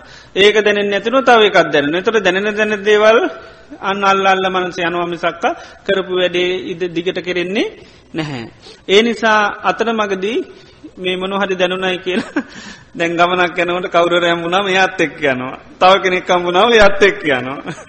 නේද ඊට පස්සේ යන ගමන නතර වෙලා වෙනකො යැකිල්ල. දැන් සමාධී වඩන්න ගිල්ලති අන්තිමට වෙලාතියෙන වෙන එක. නේද. ඉති එනිසා සමාධී වඩනෝනන් අන්න දිගටම සිතෙක් තැන් කරන අරමුණින් දියුණුව බලන්න මට කොච්චර සීහ පිහිටවාගෙන කය තුළ ඉන්න පුළුවන්ද. පිට යන්න ඒක තමයි දියුණුව. හොඳට අවබෝධ කර ගණ්ඩෝනි සමාධිවරණකොට එක දේවල් බලන්ඩ දැනගණ්ඩ අවබෝධ කර ගණ්ඩ යනවාම් නෙවේ මොකක්ද සිත එක් තැන් කරගන්න ආනකයි සති පට්ටාන කැන එක සිහ පීටෝ ගන්නවා. ඊළඟට විපස්සනා කරනකොට අන්න ඒත් සිය පීට ගන්න මේක හටගත්ති කොහොමද කියල බලන්න ආන්නේකයි පොඩි වෙනසතින්. ඉතින් සාමාන්‍යින් සමාධී වන්නකට අපි මේක යට සැකිල්ලත් තියෙනක සිත සිහිය සම්පූර්ණ කයට ගන්න ආනක හිතට පිට යන්නේ නැහැ. ඊට පස්සේ පිහිට ගත්ත සිහිය කයට පිහිටුව ගත්තන ඊට පස මේ කයමකක් නිසා හටගත්තික ඊට පස බලනවා. ආනක විපසනා වෙනවා. තොට මකක් නිසා හටගත් යන්න ආහාර හට ගැනීමෙන් හටගත්තා. ඒක වෙනම කරනවා. ඒකයි. ඒ නිසා සමත භාවනාවක් කරනකොට හොඳට තමා කරන මානසිකාරයම භාවනා නිමිත්තේම හිත පිහිටුවනු ඇරෙන්න්න වෙන දේවල් දිහා බලන්න දකින්න යන්න. දුයි නොඒ දේවල් දකිට පුළුවන්. හිත කියන්නේ මැජික එක කොඳට මත තියාගන්න. මය ආකාරයට හිමීට රවට්ටලා ආයි ගෙනියන්න පුළුවන්. මැජික් පේන්නේ ඇත්ත වගේ. බොරු විදිර පේනවද මැජික්? නෑ. මැජික් බොරුවර් පේන නෑ ඇත්ත වගේ පේනවා. ඇත්ත වගේ පේන ඉතින් ඇත්තක් කියල තම හිතෙන්නේ. බොරු කුරුල්ලෙක්නව ඇත කුරුල්ලෙක් වගේ පේනොමවාම මැජික් එහෙමන නේද? ඒකයි. ඉතිේ හිත කියන්නෙත් මායාවක් හොඳට මවබෝධ කර ගණ්ඩෝනි හිතක මායූපමංච විඤ්ඥාන විඤ්ඥාන කැන මැජික එකක්. විධ දේවල් පෙන්න්නවා. ඉති මැජික එකට ඉඩදිල්ලා භාවනා කරන්න ඉඩ දෙන්න කවුද? කාටද? සිහියටයි වීරියටයි ආනනුවනටයි ඒ තුන එක තම භාවනා කරන්න.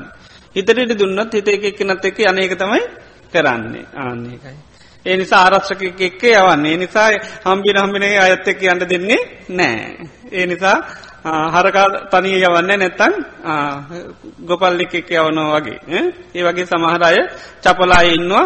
සුවරණ ඇති නම්මල තාත්තලමකද කරන්නේ? ආරශ්කයත් දාලා යවනවා. නේද? විශ්වාස නෑ යයිද දන්න පන්ති පන්තිීට යනකං කෙනෙක් යවනවා. ඒ වගේ තම හිතටත්.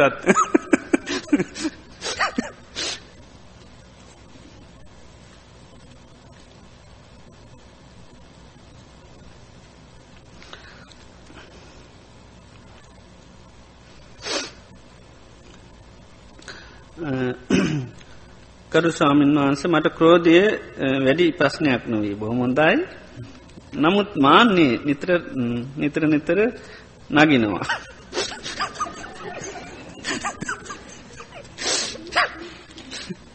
මෙය අඩු කරගන්න සුදුසු භාවනාවක් පෙන්වා දෙන්න. දැන් ඒකට හොඳයි මොකක්ද අසුභ භාවනාව.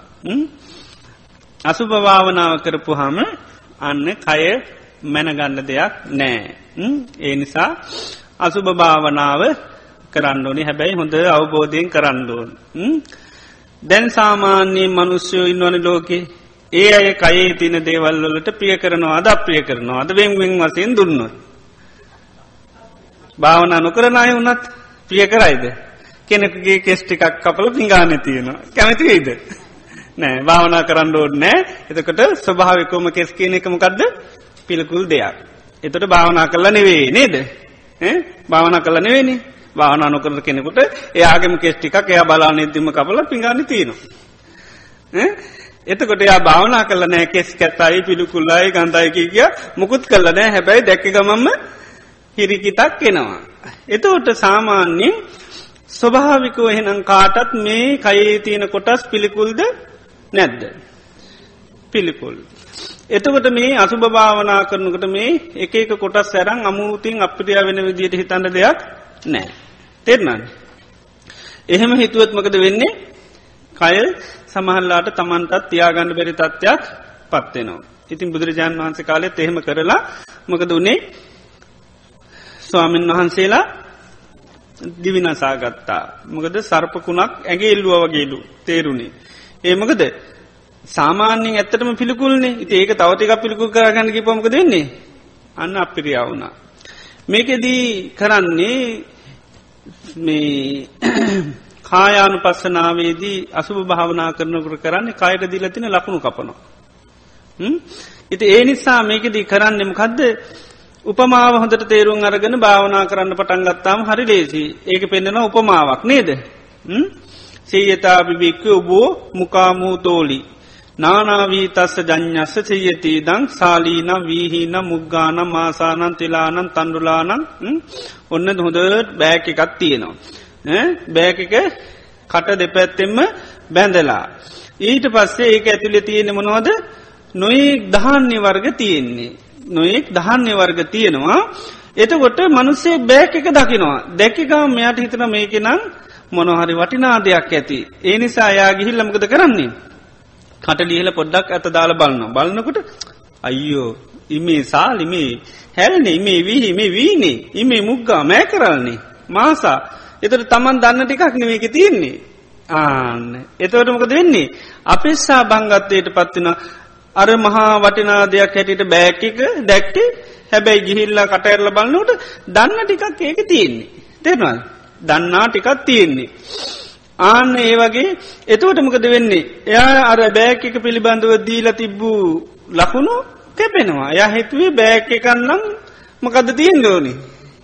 බෑක එක තියෙන් ොල් රත්තරම් මුතුමැනික් තමයි තියෙන් දෝනි. සමල්ලාට ඉති හොඳට තියෙන්ට පුළන් බෑක එක නිසා බෑක ඇතුළේ බැලුව හොඳ මොනොහරි තියයි කියලා. හැබැයි බලනොකට තියෙන්නේ දන්න ටිකක් සුළබ ටිකක්. හාල් ඇම තැනමති නමුන් ඇම තැනමති නමෑ කරල් හැම තැනමති නවා. නේද. එතකොට අර බෑකට දීලා තින වටනාකමකද වෙන්නේ? නැති වෙනවා. එතකොටම කවරුර ඇවිල ගිනිකුරක් ගාගෙන බෑකට පයින් එකක් ගාගෙනනවා එතොට යට පස්්නයක්ද නෑ. ඇයි නොවතිනා දෙයක්නේ පයින් ගැවට මොකට දෝකය නේද? පයින්ගව කිය ඇති පස්නය නෑන මොකද වටින් නැති දෙයක් බවට යායට පත්වෙනවා එයා දන්නවා බෑක එක ඇතුලේ නම් තියෙන මේ වගේ ටික ආන්න එකයි. ආනේ වගේ තමයි අසුභාවනා කරන කෙනා තමන්ගේ කය පිළිබඳු සිහි කරනවා. කොහොමද? අත්ති ඉමස්මින් කායේ කේසා ලෝමා නකාදන්තා චතු. මේ කයෙන් තියෙන්නේ කෙස්. කෙස් දැන් දන්නවනේ. දන්නටිකත් තියෙන්නේ. ලෝමා නකා දන්තා. අන්න අර තමන්ගේ කය වෙන්වෙන් වසයෙන් කොටස් බලනවා. එතවට මොකද වෙන්නේ? මේ දන්නාටිකින් හැදිල තින දන්න එකක්වත් හොඳද? ආන එකක්වත් හොඳ නෑ. එතකොට අන්න නොවටිනා දේවල් වලින් හැදිච්චි දෙයක් එතකොට කායට දීල තියෙන වටිනාකම නැතිවෙන තොට පොඩ්ඩම් මොනවරකි වම්මාන්‍ය ඇත කරගන්න දෙයක් නෑ. ආනක මනින්න දෙයන්න මොකක්ද මේක තියෙන සුලභ ටිකක්? කවුරුත් ප්‍රිය කරන්නේ නෑ. තමම්ම මැනගන්න කෙනාම තමන්ගේ කොන්ඩ ටිකක් කපල ගත්තමක දෙන්නේ. අන්න නොවටිනා දේවල් තියෙන්. ඒ විදිහට අන්න අවබෝධීම් තමන්ගේ කයදිහා බලන්න පුළුවන්. එතකොට අර කයට දීලා තියෙන වටිනාකම් ටික ටික ටික ටික අඩු වෙනවා. එතවට ඉතින් පහින් ගල ගියත් කමන්න හැප්පුනත් කමන්න නේද? මොකද අන්න සුලබ දේවල් ටිකක් තියෙන්නේ. නුවටිනා දේවල් ටිකක් තියෙන්නේ. කිසිම දෙයක් වටින්නේ නැහැ. වටිනාකමත් දීල තියෙන්නේ නේද? බෑකෙකට කල් ඇතු වටනාකමත් දුන්න. නමුත් ඇතුළි කිසි වටනාකමන්නේ කාටුවක් පෙන්න්න ඇතු හංගන හපන්න ඇතුව අන්තිමට ලිහල බලන්නකට බෑකගේ තියෙන්නේ මොනවද දන්නාටිකත් තියන්නේ නිසා පහින් ගැව්වත් පිච්චුවත් ගිනි තිබත් මුකුත් පස්්නයන් නැත් අත්තට පත්වෙන ඒ වගේ තමයි කයත් අපි ආන කයට යම් වටිනාකමක් ඇගේීමක් කරන ඒ තුළ තමයි අන්න මාන්‍යයක් ඇතිවෙනවා. ඉතිං ඒක නැති වෙනවා අන්නර කය පිළිබඳව ස්වභාවය හඳුනාගත්තාම. ඉතින් තවත් මේ අපේ කෙලෙස් පිළිබඳව බැලුවත් ඒත් එහෙමයි. අපේ තියෙන කෙලෙස් දිහා බැලවාම ඒත් අපිට මාන්‍යයක් ඇති කරගන්න දෙයක් නෑ. ඒ තරමට බුදුරජාන් වන්සේ නමක්ේ මිටියොත්තේම අපිට හොඳටම බනි අපේ තියන කෙලෙස්සේම දැක්කාම නේද? වර්ණා කරන්නේ නෑ අපිව. නේද? අපි කොච්චර මේ වෙලා ගියත් අපි වර්ණා කරන්න නෑ. අපේ තරමට කෙලෙසි ගති වැඩී එතොට කෙනෙක් ලස්සන වෙන්නේ මොකෙන්ද? හිත ලස්සන වුණොත් ආනකයි හිත කිලිටුනං එයා ලස්සන වෙන කෙනෙක් වෙන්නේ නැහැ. ඒ නිසා බලන්ඩෝනි මම මේ බාහිර දේවල් නිසා කුලේ නිසා හෝ වෙනත් දේවල් උගත් දැන උගත් කම් නිසා මම් මේ වුනාට මගේ හිතේ තියෙන මොනවා දේවන මිනිතු බලන්නේ. ඒවා සෞතුනොත් කවුරුත් කැමතිද. නැහැ. දැන් ලස්සන කෙනෙ හැමවලේම කිපෙනවා කවුරුත් කැමති දෙයාට ලස්සන වනාට. නෑ දැ ලස්සනයි බැඳල දික්කහත කරන්නේ. නේද. ඒ ඇයි? ලස්සන මදකමද නෑ. හිත ලස්සන නැති වුණහම තමයි දෙක්කසාද වෙන්නේ. නේද. හිත බෝම පිරිසුදුයි. ඉන්ඩ බෑයකට ගඳ ගහනා වැඩි. බයිනවා රණ්ඩු සුරුවල් වැඩි. එතට ඉන්න බෑ. නේද. එතකොට අන්න බලන්ඩෝනි ඒවා තිබ්බොත්තමයි යන්න පොඩ්ඩක්කත් ඕන්න මැනගණඩ පුළුවන්. ඒවත් නෑන. එනම් මනින්න දෙයක් නෑ. හිතේ තියෙන්නේ අපේ ගොඩාක් කෙලෙස් ගති තියෙනවා අඩු පහඩුකන් තියෙනවා. ඉතිං මැරුණොත්තේම සමල්ලාට කේන්තින් දැම්ම මාන්‍යින් ඉන්න වෙලාක මැරුණොත්තේම කෙලින් මපායි එතකොට ආන්න මේ බොහෝම දුරුවලයි අපියතුට අපිට මේ වටනාකමත් ජීවිතයට දෙන්න පුළුවන්කමන්න එවිදිට බලලත් මාන්‍ය නැති කරගන්න පුළුවන්.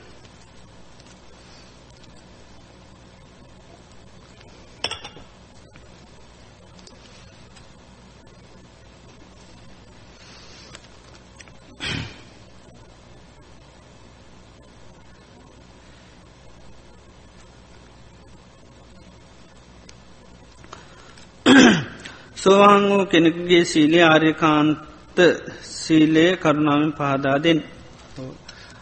ආර්ය කියන්නේ කාටද බුදු පසේ බුදු මහරාතන් වහන්සේලාට කාන්තයි කැන මනාප. ආර්යන් වහන්සේලාට මනාප සීලයක් කෙනෙක් රකිනවනං ඒකට කියනවා ආර්යකාන්ත සීලය කියලා. කැඩිල නැත්තම් බිදිල නැත්තම් පැල්ලන්න නැත්තන් තන්නා දිට්ටි මාන්න වසින් සීලය කිලිට විල නැත්තන් ඒ සීලේ තමයි නාර්යකාන්ත ආරයන් වහන්සේලාට කැමති සීලයක්කා කියනවා කවදරකින්නේ සාාවකයා. එතට යාරයන් වහන්සේ ඒකයි විඤ්ඥුප්ප සත්ත ගැන නුවනැති අයි තමන්ගේ සීලයට ප්‍රසංසා කරනවා. මකද සීලය තන්නා වසයෙන් හෝ දිට්ටි වසයෙන් හෝ මාන්න වසයෙන් අරගෙන රකිනවා නොවේ. එහෙම නැත්තන් තැනින් තැන කඩලා බිඳලා පැල්ලන්දාගෙන ඉන්නවන වැර කියන්නේ අකම්මාස සිදුරු තියන පැල්ලන්තිනවා සීලේ කැනෙ තැනින් තැන ශිෂ්ාපද නිතර කඩනවා එතකොට ඒ කාරයකාන්ත සීලයක් වෙන්නේ නැහැ. ඉතින් දිගටම පිරිසුදුව සීලේ ආරශ්ා කරගෙන යනකට තමයි ආර්යකාන්ත සීලේ කියන්නේ ආර්යන් වහන්සේලා කැමිති සීලය කාරශ්ා කරන කියනක යාරිකාන්ත කියන්නේ. කාන්ත කියන මනාප. කාට මනාපද ආර්යන් වහන්සේලාට මනාප සීලයක් සාාවක රකින එක ආර්යකාන්ත සීලේ ඒකයි. ඒකයි සීලේ කියන්නේ විඤ්ඥුප්ප සත්ත නුවනැති අයි ප්‍රසංසා කරන අපරාමට අල්ලගෙන නෑ ආන සීලේ අල්ලගෙන නෑ සීලේ මුල් කරගෙන තන්නාවක් වූ මාන්‍යයක් වූ දිට්ටියක් වෙනත් කෙලේශයක් කිසිම දෙයක් සීලය නිසා අල්ල හදාගන්න නෑ දැන් සමහරලාට සීලේ මුල් කරගෙන අන්න කෙලෙස් ඇති කරගන්න. තමන් සිරකිනකොට සමල්ලාට ඒකෙන් සමට මාන්‍ය ඇතු වෙන්න පුළුවන්. එහම නැත්තං සීලේ කවුරට පල්දු කරන්නවත් ඒ ඇත් එක වයිඩ තරහ ඇති කරගන්න පුළුවන්. ඒ වගේ සීලේ මුල් කරගෙන අන්න වෙනත් කෙලෙස් ඇති කරගන්නවා. එතකොට මොකද වෙන්නේ? එක ආර්යකාන්ත සීලයක් වෙන්නේ නැහැ. සීලය උපාදාන කරගන්නවා.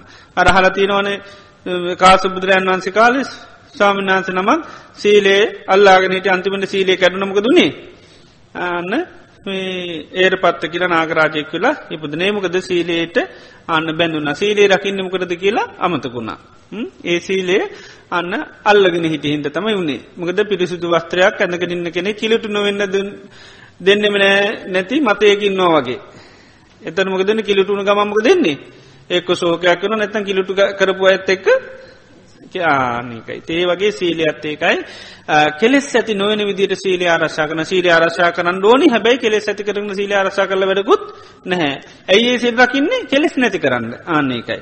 කෙලෙස් නැති කරන්න සිල්රක්න හිද කෙලෙස් ඇති කරගෙන සිල්ර කළ වැඩකුත් නෑ ඉති ඒ නිසා බොහෝම නුවනී යුතුව සීලිය කියනක ආරශ්ා කරන්න ඕනි. සිල් ආරශා කරන්න කියල්ල කේන්ති ගන්න බෑ තරාගන්න බෑ වෛරේම ඇති කර ගන්න බෑ.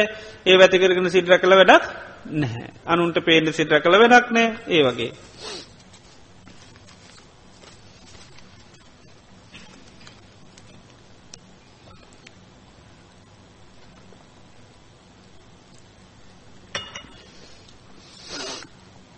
සක්කාය දිට්ටියත් ඒ නැති කිරීම සඳහා අමනු අමනු ගමනය කළ යුතු ක්‍රියාමාර්ගයත් පහදා දෙනමින් උබහන්සේකින් නමස්කාරපුරුක ඉල්ලා සිටුවි. එතට සක්කාය දිට්ටිය කියල කියන්නේ පංචුපාදානස්කන්දය පිළිබඳව තියෙන මකදද? දිට්ටියක් දිට්ටියක් කැන එක දිට්ටියක්මයි නේද. අපි කියනවා සමහර යාට තියෙන දිට්ටියක් කියලා. එක එක ඇතිද ඇත්තන්නෙවේ හදාගත්ත දෙයක්. නිසායකට කියන අපි එයාට තියන්නේ දිට්ටියක් අපි හෙමනෑ එයාට දිට්ටියක් තියෙන්නේ. නේද? අපි හොඳයි අපි හෙම කාටුවත් මේ විරුද්ධ වැඩ කරන්න උනට විරුද්ධ විරුද්ධයි කියල හිතාගෙනන්න එතකොට අපි කියනවා යායට දිට්ටියත් තියෙන්නේ. නේද? එහම කියනවානේ. යායට තියනෙ දිට්ටියක් ඒගැන ඇත්තක් නවේ අපි හෙම නෑ ඒ වගේ පංචුපාදානස් කන්දය පිළිබඳවත් තියෙනවා කියන දිට්ටියක් මගේ කියන දිට්ටියක් ආනේම දිට්ටියත් තියෙන අයිතියකෙන දිට්ටිය ඇති නාන්න ඒක තමයි සක්කාය දිට්ටිය කියන්න. ඒක කියාකාරෝ තියෙනවාද? විසිආකාරෝ තියෙන රූපං අත්තතෝ සමුණු පස්සති රූපය තමා කියල සලකනවා. මේ රූපයේ කවුද? තමා. රූපවන්තංවා. එහෙම ඇත්තන් තමා හැදිල ඉන්නේ තියෙනෙමකද රූපයෙන්. අත්තනීවාරූපම් තමා තුළ තමයි රූපය තියෙන් එහෙම නැත්තං රූපස්මින් වාත්තාන රූපය තුළ තමයි තමන් ඉන්න. ඒ විදිහට එක එක්කෙනා විවිධ විදිහට මේ රූපය පිළිබඳව දිටිගත වෙලා තියෙනවා. එතකොට සෝතාපන්න කෙනා සෝතාපන්න වෙන් සක්හාය දිට්ටිය නැති කරගන්න කෙනාමකද කරන්න මේ රූපය පිළිබඳව අන්න ඒක ඇත්ත ස්වභාවීම සා බලනවා. කයගත්තුත් එහෙම කය පිළිබඳ ඇත්ත ස්වභාව බලනවා කයමොකක් නිසා හටගෙන තියෙන්නේ ආහාර හට ගැනීමෙන් හටගන්නවා ආහාර නැතිවීම නැතිවලායන. එතට එයා හේතු පල දැම්මා ධර්මය බලන්න බලන්නමක දෙන්නේ කය පිළිබඳව තියෙන දෘෂ්ටිගතවීම නැතිවෙන මේක තුළ මම ඉන්න හෝ මන්තුළ මේක ඉන්න හෝ කැරකි කැරකි යන්න බැරිවේ නොමකද වෙන්නේ. එයාට පේනවා කය පවතින්නේ හේතුවට ගැනීම හේතු නැතිවීම නැතිවලායන. එතුට මේක තියෙන දිට්ටිය යට නැතිවලායනවා. ඉතින් තවදුරට කරගෙන යනකොට තමයි ඒ පිළිබඳව තියෙන අනිකුත් කෙලෙස් නැතිවලෑ ඒක හරියට ගත්තොත්තේම අපි මේ කෝප්පය ගමු. කෝප්පි ගත්තහම කෝපෙට රත්තරම් මැනික් මුදු ඔක්කෝ මල්ල තියනොමේ කෝප්පෙට. හැබැයි හැදිල තියෙන මනුවන්ද මැටිවලී ඊට පස්සේ දැම් මේක ඉතාමත්ම බැලූ බැල්මටමකක්ද ලස්සන කෝපයා ඊට පස්සේ මේක පාවිච්චි කරනවා. පාවිච්චි කරනකට කාගෙ කෝප්පෙද? මගේ කෝප්පය වෙනවා. එමන්න පාච්චි කරන්න. එතට මගේ කෝප්පය වෙනවා. එතකොට මේක පිළිබඳ තව මතයක් දාගන්නමකක්ද මේක නම් කවදාකොවත් කැඩින් නැති බිඳින් නැති හැමදාම තින කෝප්පි හැටිට ගන්නවා. එතොට මොකදද? තුනත්තින එකක් දිට්ටියක් එකක් ආසාාවක්. අනිත්තකමකක්ද මාන්‍ය මැනගන්න මේක මගේ කෝප්පි මං පාවිච්චි කරන කෝප්පේ. එතකොට මේ කෙනෙකුට අවබෝධ කරලා දෙනවා මේක මේ හැබැයි මේ කැඩෙන බිඳන එක. එතොට යා සමහරලාට ඒ අවබෝධ කරගන්න පුළුවන් කැඩෙන බිඳන එකක් කියල. හැබැයි එපමණකින්ම කෝපය අතාරන්න පුළුවන් කියල හිතනවා බැයි කෝපේ තාම හොඳට රත්තරං අරුවම අල්ල තියෙන හින්දා මේක වටිනාකමත් එක්ක ඒ අතාරන්න බෑ කැඩුණ වුණාට. ඒවගේම කාලයක්ත්තේශ මේක පාච්චි කර කරාප හින්ද තැරගන්නත් බැහැ. හැබැයි දන්නවා මේක කැඩෙන විඳන එකක් කියලා දන්නවා. හැබැයි තාම ආශාවතියන කෝප්පෙට තාම මගේ කෝප්පි කියන ආන්න මේක තියෙන. ආන්නේ වගේ තමයි ජීවිතය ගත්තාම කෝප්පය වගේ. මේ කෝප්පයන්නම් මේක මේ නේද ඒක පිළිබඳව දිට්ටි අත්තියනවා ඒ තමයි මේ ජීවිතයේ පංචපාදානස්කන්දය ගත්තොත් මේක මේ කැඩින් නැති විඳින් නැති වගේ මතයක් තියෙනවා. ඊළඟට මේක පිළිබඳව වර්ණා කර කර ඇවිල්ල තිනින්ද මේක ආස්වාදයෙන් බලබලා පින්දමකක්ද වෙලා තින්නේ මේකට බොහෝම ආස කරනවා. මේක කාලයක් මම මම කියාගෙන ආපින්දමක දෙන්නේ මාන්‍යයක් තියෙනම අස්සිමවන්නේ කියල කියන මැනගෙන තියෙන්නේ. එදකට සෝතාපන්න වෙනකොට දන්න හැබැ මේ ඔක්කොම කයතියන මොකක් නිසාද හේතු නිසා වේදනාවත් හේතු නිසා සංඥාවත් හේතු නිසා සංකාරත් හේතු නිසා. ඔක්කොම හේතු නිසා හටගත්ත කියලා අවබෝධ තියන එවුණට අර දාගත්ත තන්නහාව කැමැත්ත තාම අර ආස්වාද ගති තාම තියෙනවා. ඊළඟට දාගත්ත මාන්‍යත් එහෙමම තියෙනවා. එතොට ඒකයි සෝතාපන්නනකට සක්කාය දිට්ටිය නැතිවෙනවා. එයා දන්න හැබැයි හේතු පල දහමක් කියලා. ඒකයි. දැන් අපිට එහෙමනෑ අපිට මේ කමුවෙන්ම ඇරන්තියෙන්නේ හේතු පල දහමක් කියලා තේරෙන්නේම නෑ. ඒකයි. අපි සම්පූර්ණ දිට්ටිගත වෙලා ඉන්නේ. ඉති සෝතාපන්නනට ඒ දිට්ටිය නැතිව නර කෝප්පිට තිබුණු දිට්ටිය වගේ කෝපේ කැඩෙන් නැති බිඳ නැති කියල මතය තිබන ඒක නැතිවෙනවා කැඩෙනවා බිඳනවා කියලා දන්නමකද හැදිල තින්නේ ඕ මැටිවලින් නිසා. නමුත් ඒක තියෙන වටිනාකම එක බොරෝ කාලයක් ඇලුම් කරපු නිසා බොහෝ කාලය මගේ කරගත්ත නිසා එහම ලේසින් අතාර ගන්න බැහැබැයි තවදුරටත් කෝපය පිළිබඳ බලන්න බලන්දේ දෙකත් නැති කරගන්න පුළුවන්. ආන්නේ වගේ කයදුර කය පිළිබඳව තවදුරටත්වයා අන විපශ්ෂනා කර කර බලන්නවා. එතකොට අර තියෙන සක්කාය දිට්ටි මේමකදද කාමරාග පටික ඒවා ඔක්කොම නැතිවලෑනවා ජීවිතය සම්බන්ධ පංචුපාදානස් කන්දීම.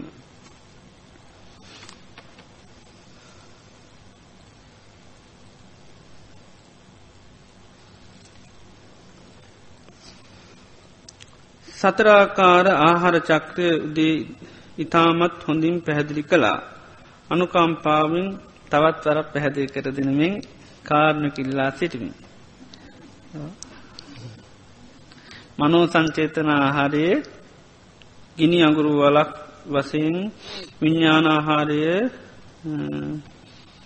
තස් දහසක් ගුටි කන හොරෙක් වගේ.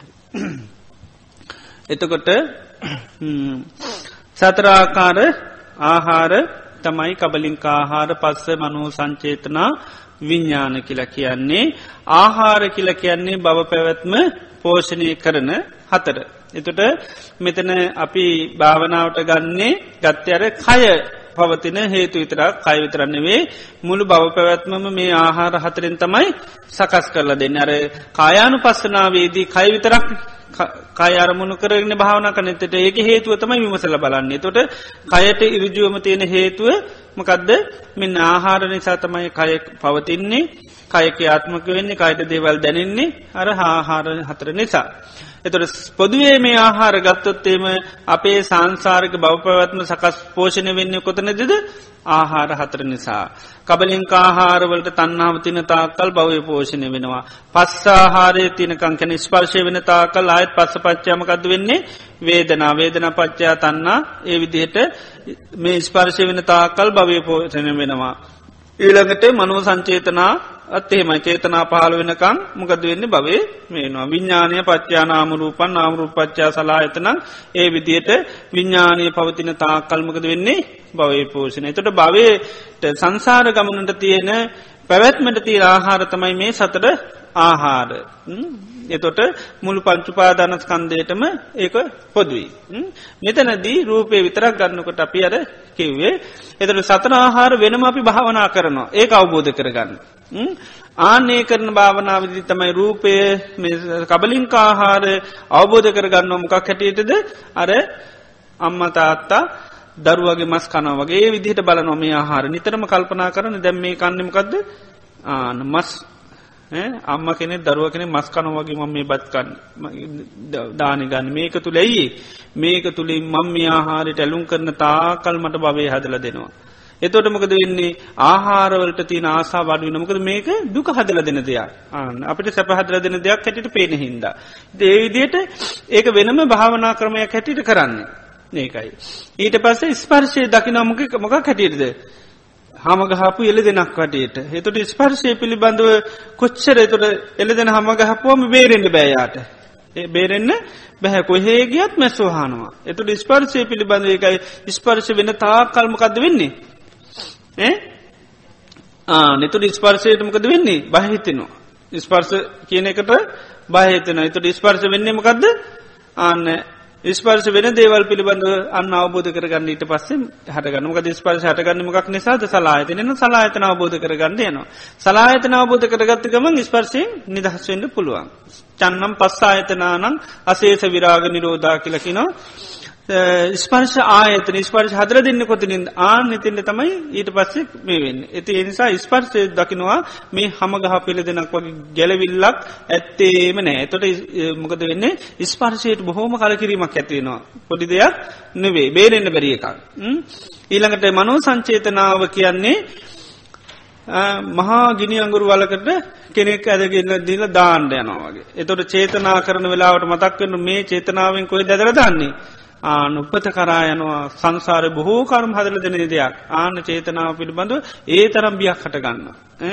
ඒක ඇමකද චේතයිත්වා චේතනා කරල තමයි කායන වාචාය මනසා කයින් වචනින් මනසින් දේවල් කරන්නේ. තේතොට චේතනාව සම්බන්ධ ඒ තරම් අන්න බියක් උපදවාගන්නවා ආදීනුවක් ඇති කරගන්න එතොට චේතනාවට තියෙන ආසාවත් කැඩෙනවා ආන්නේකයි. ඊළඟට විඤ්ඥානය කියන්නේ ආන්න උදේ රජ කෙනෙක් ළඟට හුරු ඇර හොරෙක් කරයි යන එතුට රජතුමාකිනවා මෙයාට උදේට උල් පන් සීයක් කනින්ද හවසට සීයක් කනින්ද දවල්ට සීයක් කනින්ද. එතොට උල් සීයක් කන්නාම තියෙන වේදනාව කොහොමද. ආනේ වගේ විඤ්ඥානය ක්‍රියාත්මෙන වෙන හැම වෙලේම අන්න උල්වලින් අයින වගේ අපිට මේ සංසාරය හදල දෙන විඤ්ඥානය පිළිබඳව තොට ඇලුම් කරන්න බැරි තත්ත්වයක් උදාවෙන එතර විඤ්ඥානයට තින ආසාවත් නැතිවන ඉතින් ඒක සාාවක සීකන මේ විඤ්ඥානයකැන් හරිට මේ උල්තුන්සියකින් ඇන්න කෙනෙකුට වගේ දෙයක්මට මේ විඤ්ඥානය පහළ වෙන හැවිලි වෙන්නේ. ආනෙක එතොට කල කිරෙන විඤ්ඥානයට ඒ විඤ්ඥානය තියෙන ඇල්ම නැති කරගන්න. එතර මේ ආහාරවල්ල හතරටම තියෙන තන්නහාව නැතිවෙන්ඩයි එහෙම බලන්න කියන්න. ඒ හතරේ තින ආසාාව නිසා තමයි ආහාරයන් නිසා සංසාරි පෝෂණය වෙන්නේ මේ තන්නාව නැතිව නානම් පෝෂණයවීම නැතිවෙනවා. ඒ නිසා ඒ අවබෝධ කරගන්න අර උපමාවසෙන් පෙන්න්නන ඒ උපමාස්වරූපයෙන් හඳුන ගන්නකින මේකේ මොනතරම් භයානක ස්වභාවයද මේ ආහාර කියන්න. අපි මෙතනදී කරන්නේ ආහාරවලති නාදීන බලන්න යනවා නෙවේ මොකදද කයහට ගත්තේ මොකක්දකින් හේතු බලන්න තමයි මෙතන යන්නේ කයයි පෝෂණය වෙන්නේ ආහාර නිසා. තවදුරට ඔන්නම් බලරපුන ඇයි ආහාර පවතින්නේ? ඒ නිසා තමයි ඒමකද තන්නාව නිසා. තන්නා පවතින්නමකක්ද වේදනාව නිසා. වේදනා පවතින්මකක්ද අන්න ස්පර්සේ විදිට බලානයන්ටත් ඔන්නම් පුළුවන්. එහෙම බුදුරජාන් වහන්සේ දේශනා කල තිනවා භූත මිදන්ති භික්කවේ පස්සතා. මහනන මේක හටගත්ත දෙයක් කියලා ඔබ දකිනවාද කියලහනවා එහෙමයි කියල කියනවා. ඊළඟට කියන තදාහාර සම්බවන් ඒ හටගත්තදේ ආහාර නිසා පවතිනවා කියල දකිනවාද? එහෙමයි කියෙනවා. තදාහාර නිරෝධා ඒ ආහාර නැතිවීමෙන් යම්භූතන් යම කටගත්තර තන් නිරෝධ දම්මන්ගේ නැතිවෙනවා කියල දකිනවා දෙහෙමයි කියෙන. ආන තදාහර නිරෝධා ඒ ආහරි නිරුද්ධ කිරීම පිණිස මේ මාර්ගයේ ගමන් කරනවාද ඒ මාර්ගය තෝරාගෙන එක අන්ඩෝන්. එතෝට ආහාරමකද කියලහනවා කින් නිදානංකින් සමුදයන්කින් ජාතින් කින් පබ මේ ආහාරට ගත්තමකක් නිසාද තොට අන්න තන්නා නිදානන් තන්නා සමුදයන් තන්නා ජාතින්. එත තන්නාමකක් නිසාද කියලහනවා. අන්න තන්නහාමකද වේදනාව ඊට පස ආය පට සම්පාදය අන්න පුළුවන්. ඉතිේ විදිහට ජීවිතය ගත්තොත් අවබෝධ කර ගණඩ කියන මොකක් හැටිද මේක හටගත්ත එකක්. දැන් කයමොකක්ද හටගත්ත එකක් ආන එක හටගෙන තියෙනමකින්ද. අන්න ආහාර හට ගැනීමෙන් අන්න නිසාතමයි හටගෙන තියෙන් ඒකයි භූතමි දන්ති බික්වේ පස්සතාතකැන එකයි රූපය විතරක් ගත්තොත් රූපය හටගෙන තියෙන්නේ අන්න මේ ආහාර නිසා. එතර වර්තමානය රූපය කියාත්මක නොන ඒත් ආහාර නිසා. ඒ විදිට බලන්ඩෝනි.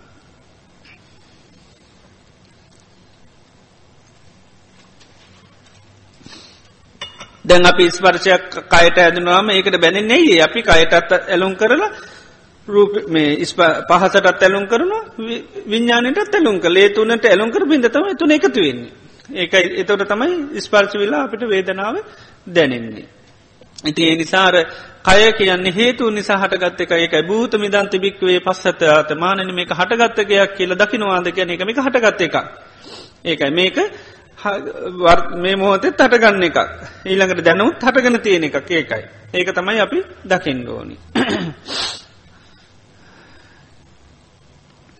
ඒ විදියට සතරාහාර වෙනම භාවන වසයෙන් කරන මෙතනදී අවබෝධ කරගන්න මේ කයේ හේතුවමසන්න තමයි අපි මේ සතරාකාරාහාර නිසයි මේ කය පවතින්නේ කිය අවබෝධ ඇති කරගන්නයි කරන්න. එතකොට කය සම්බන්ධව එකයි.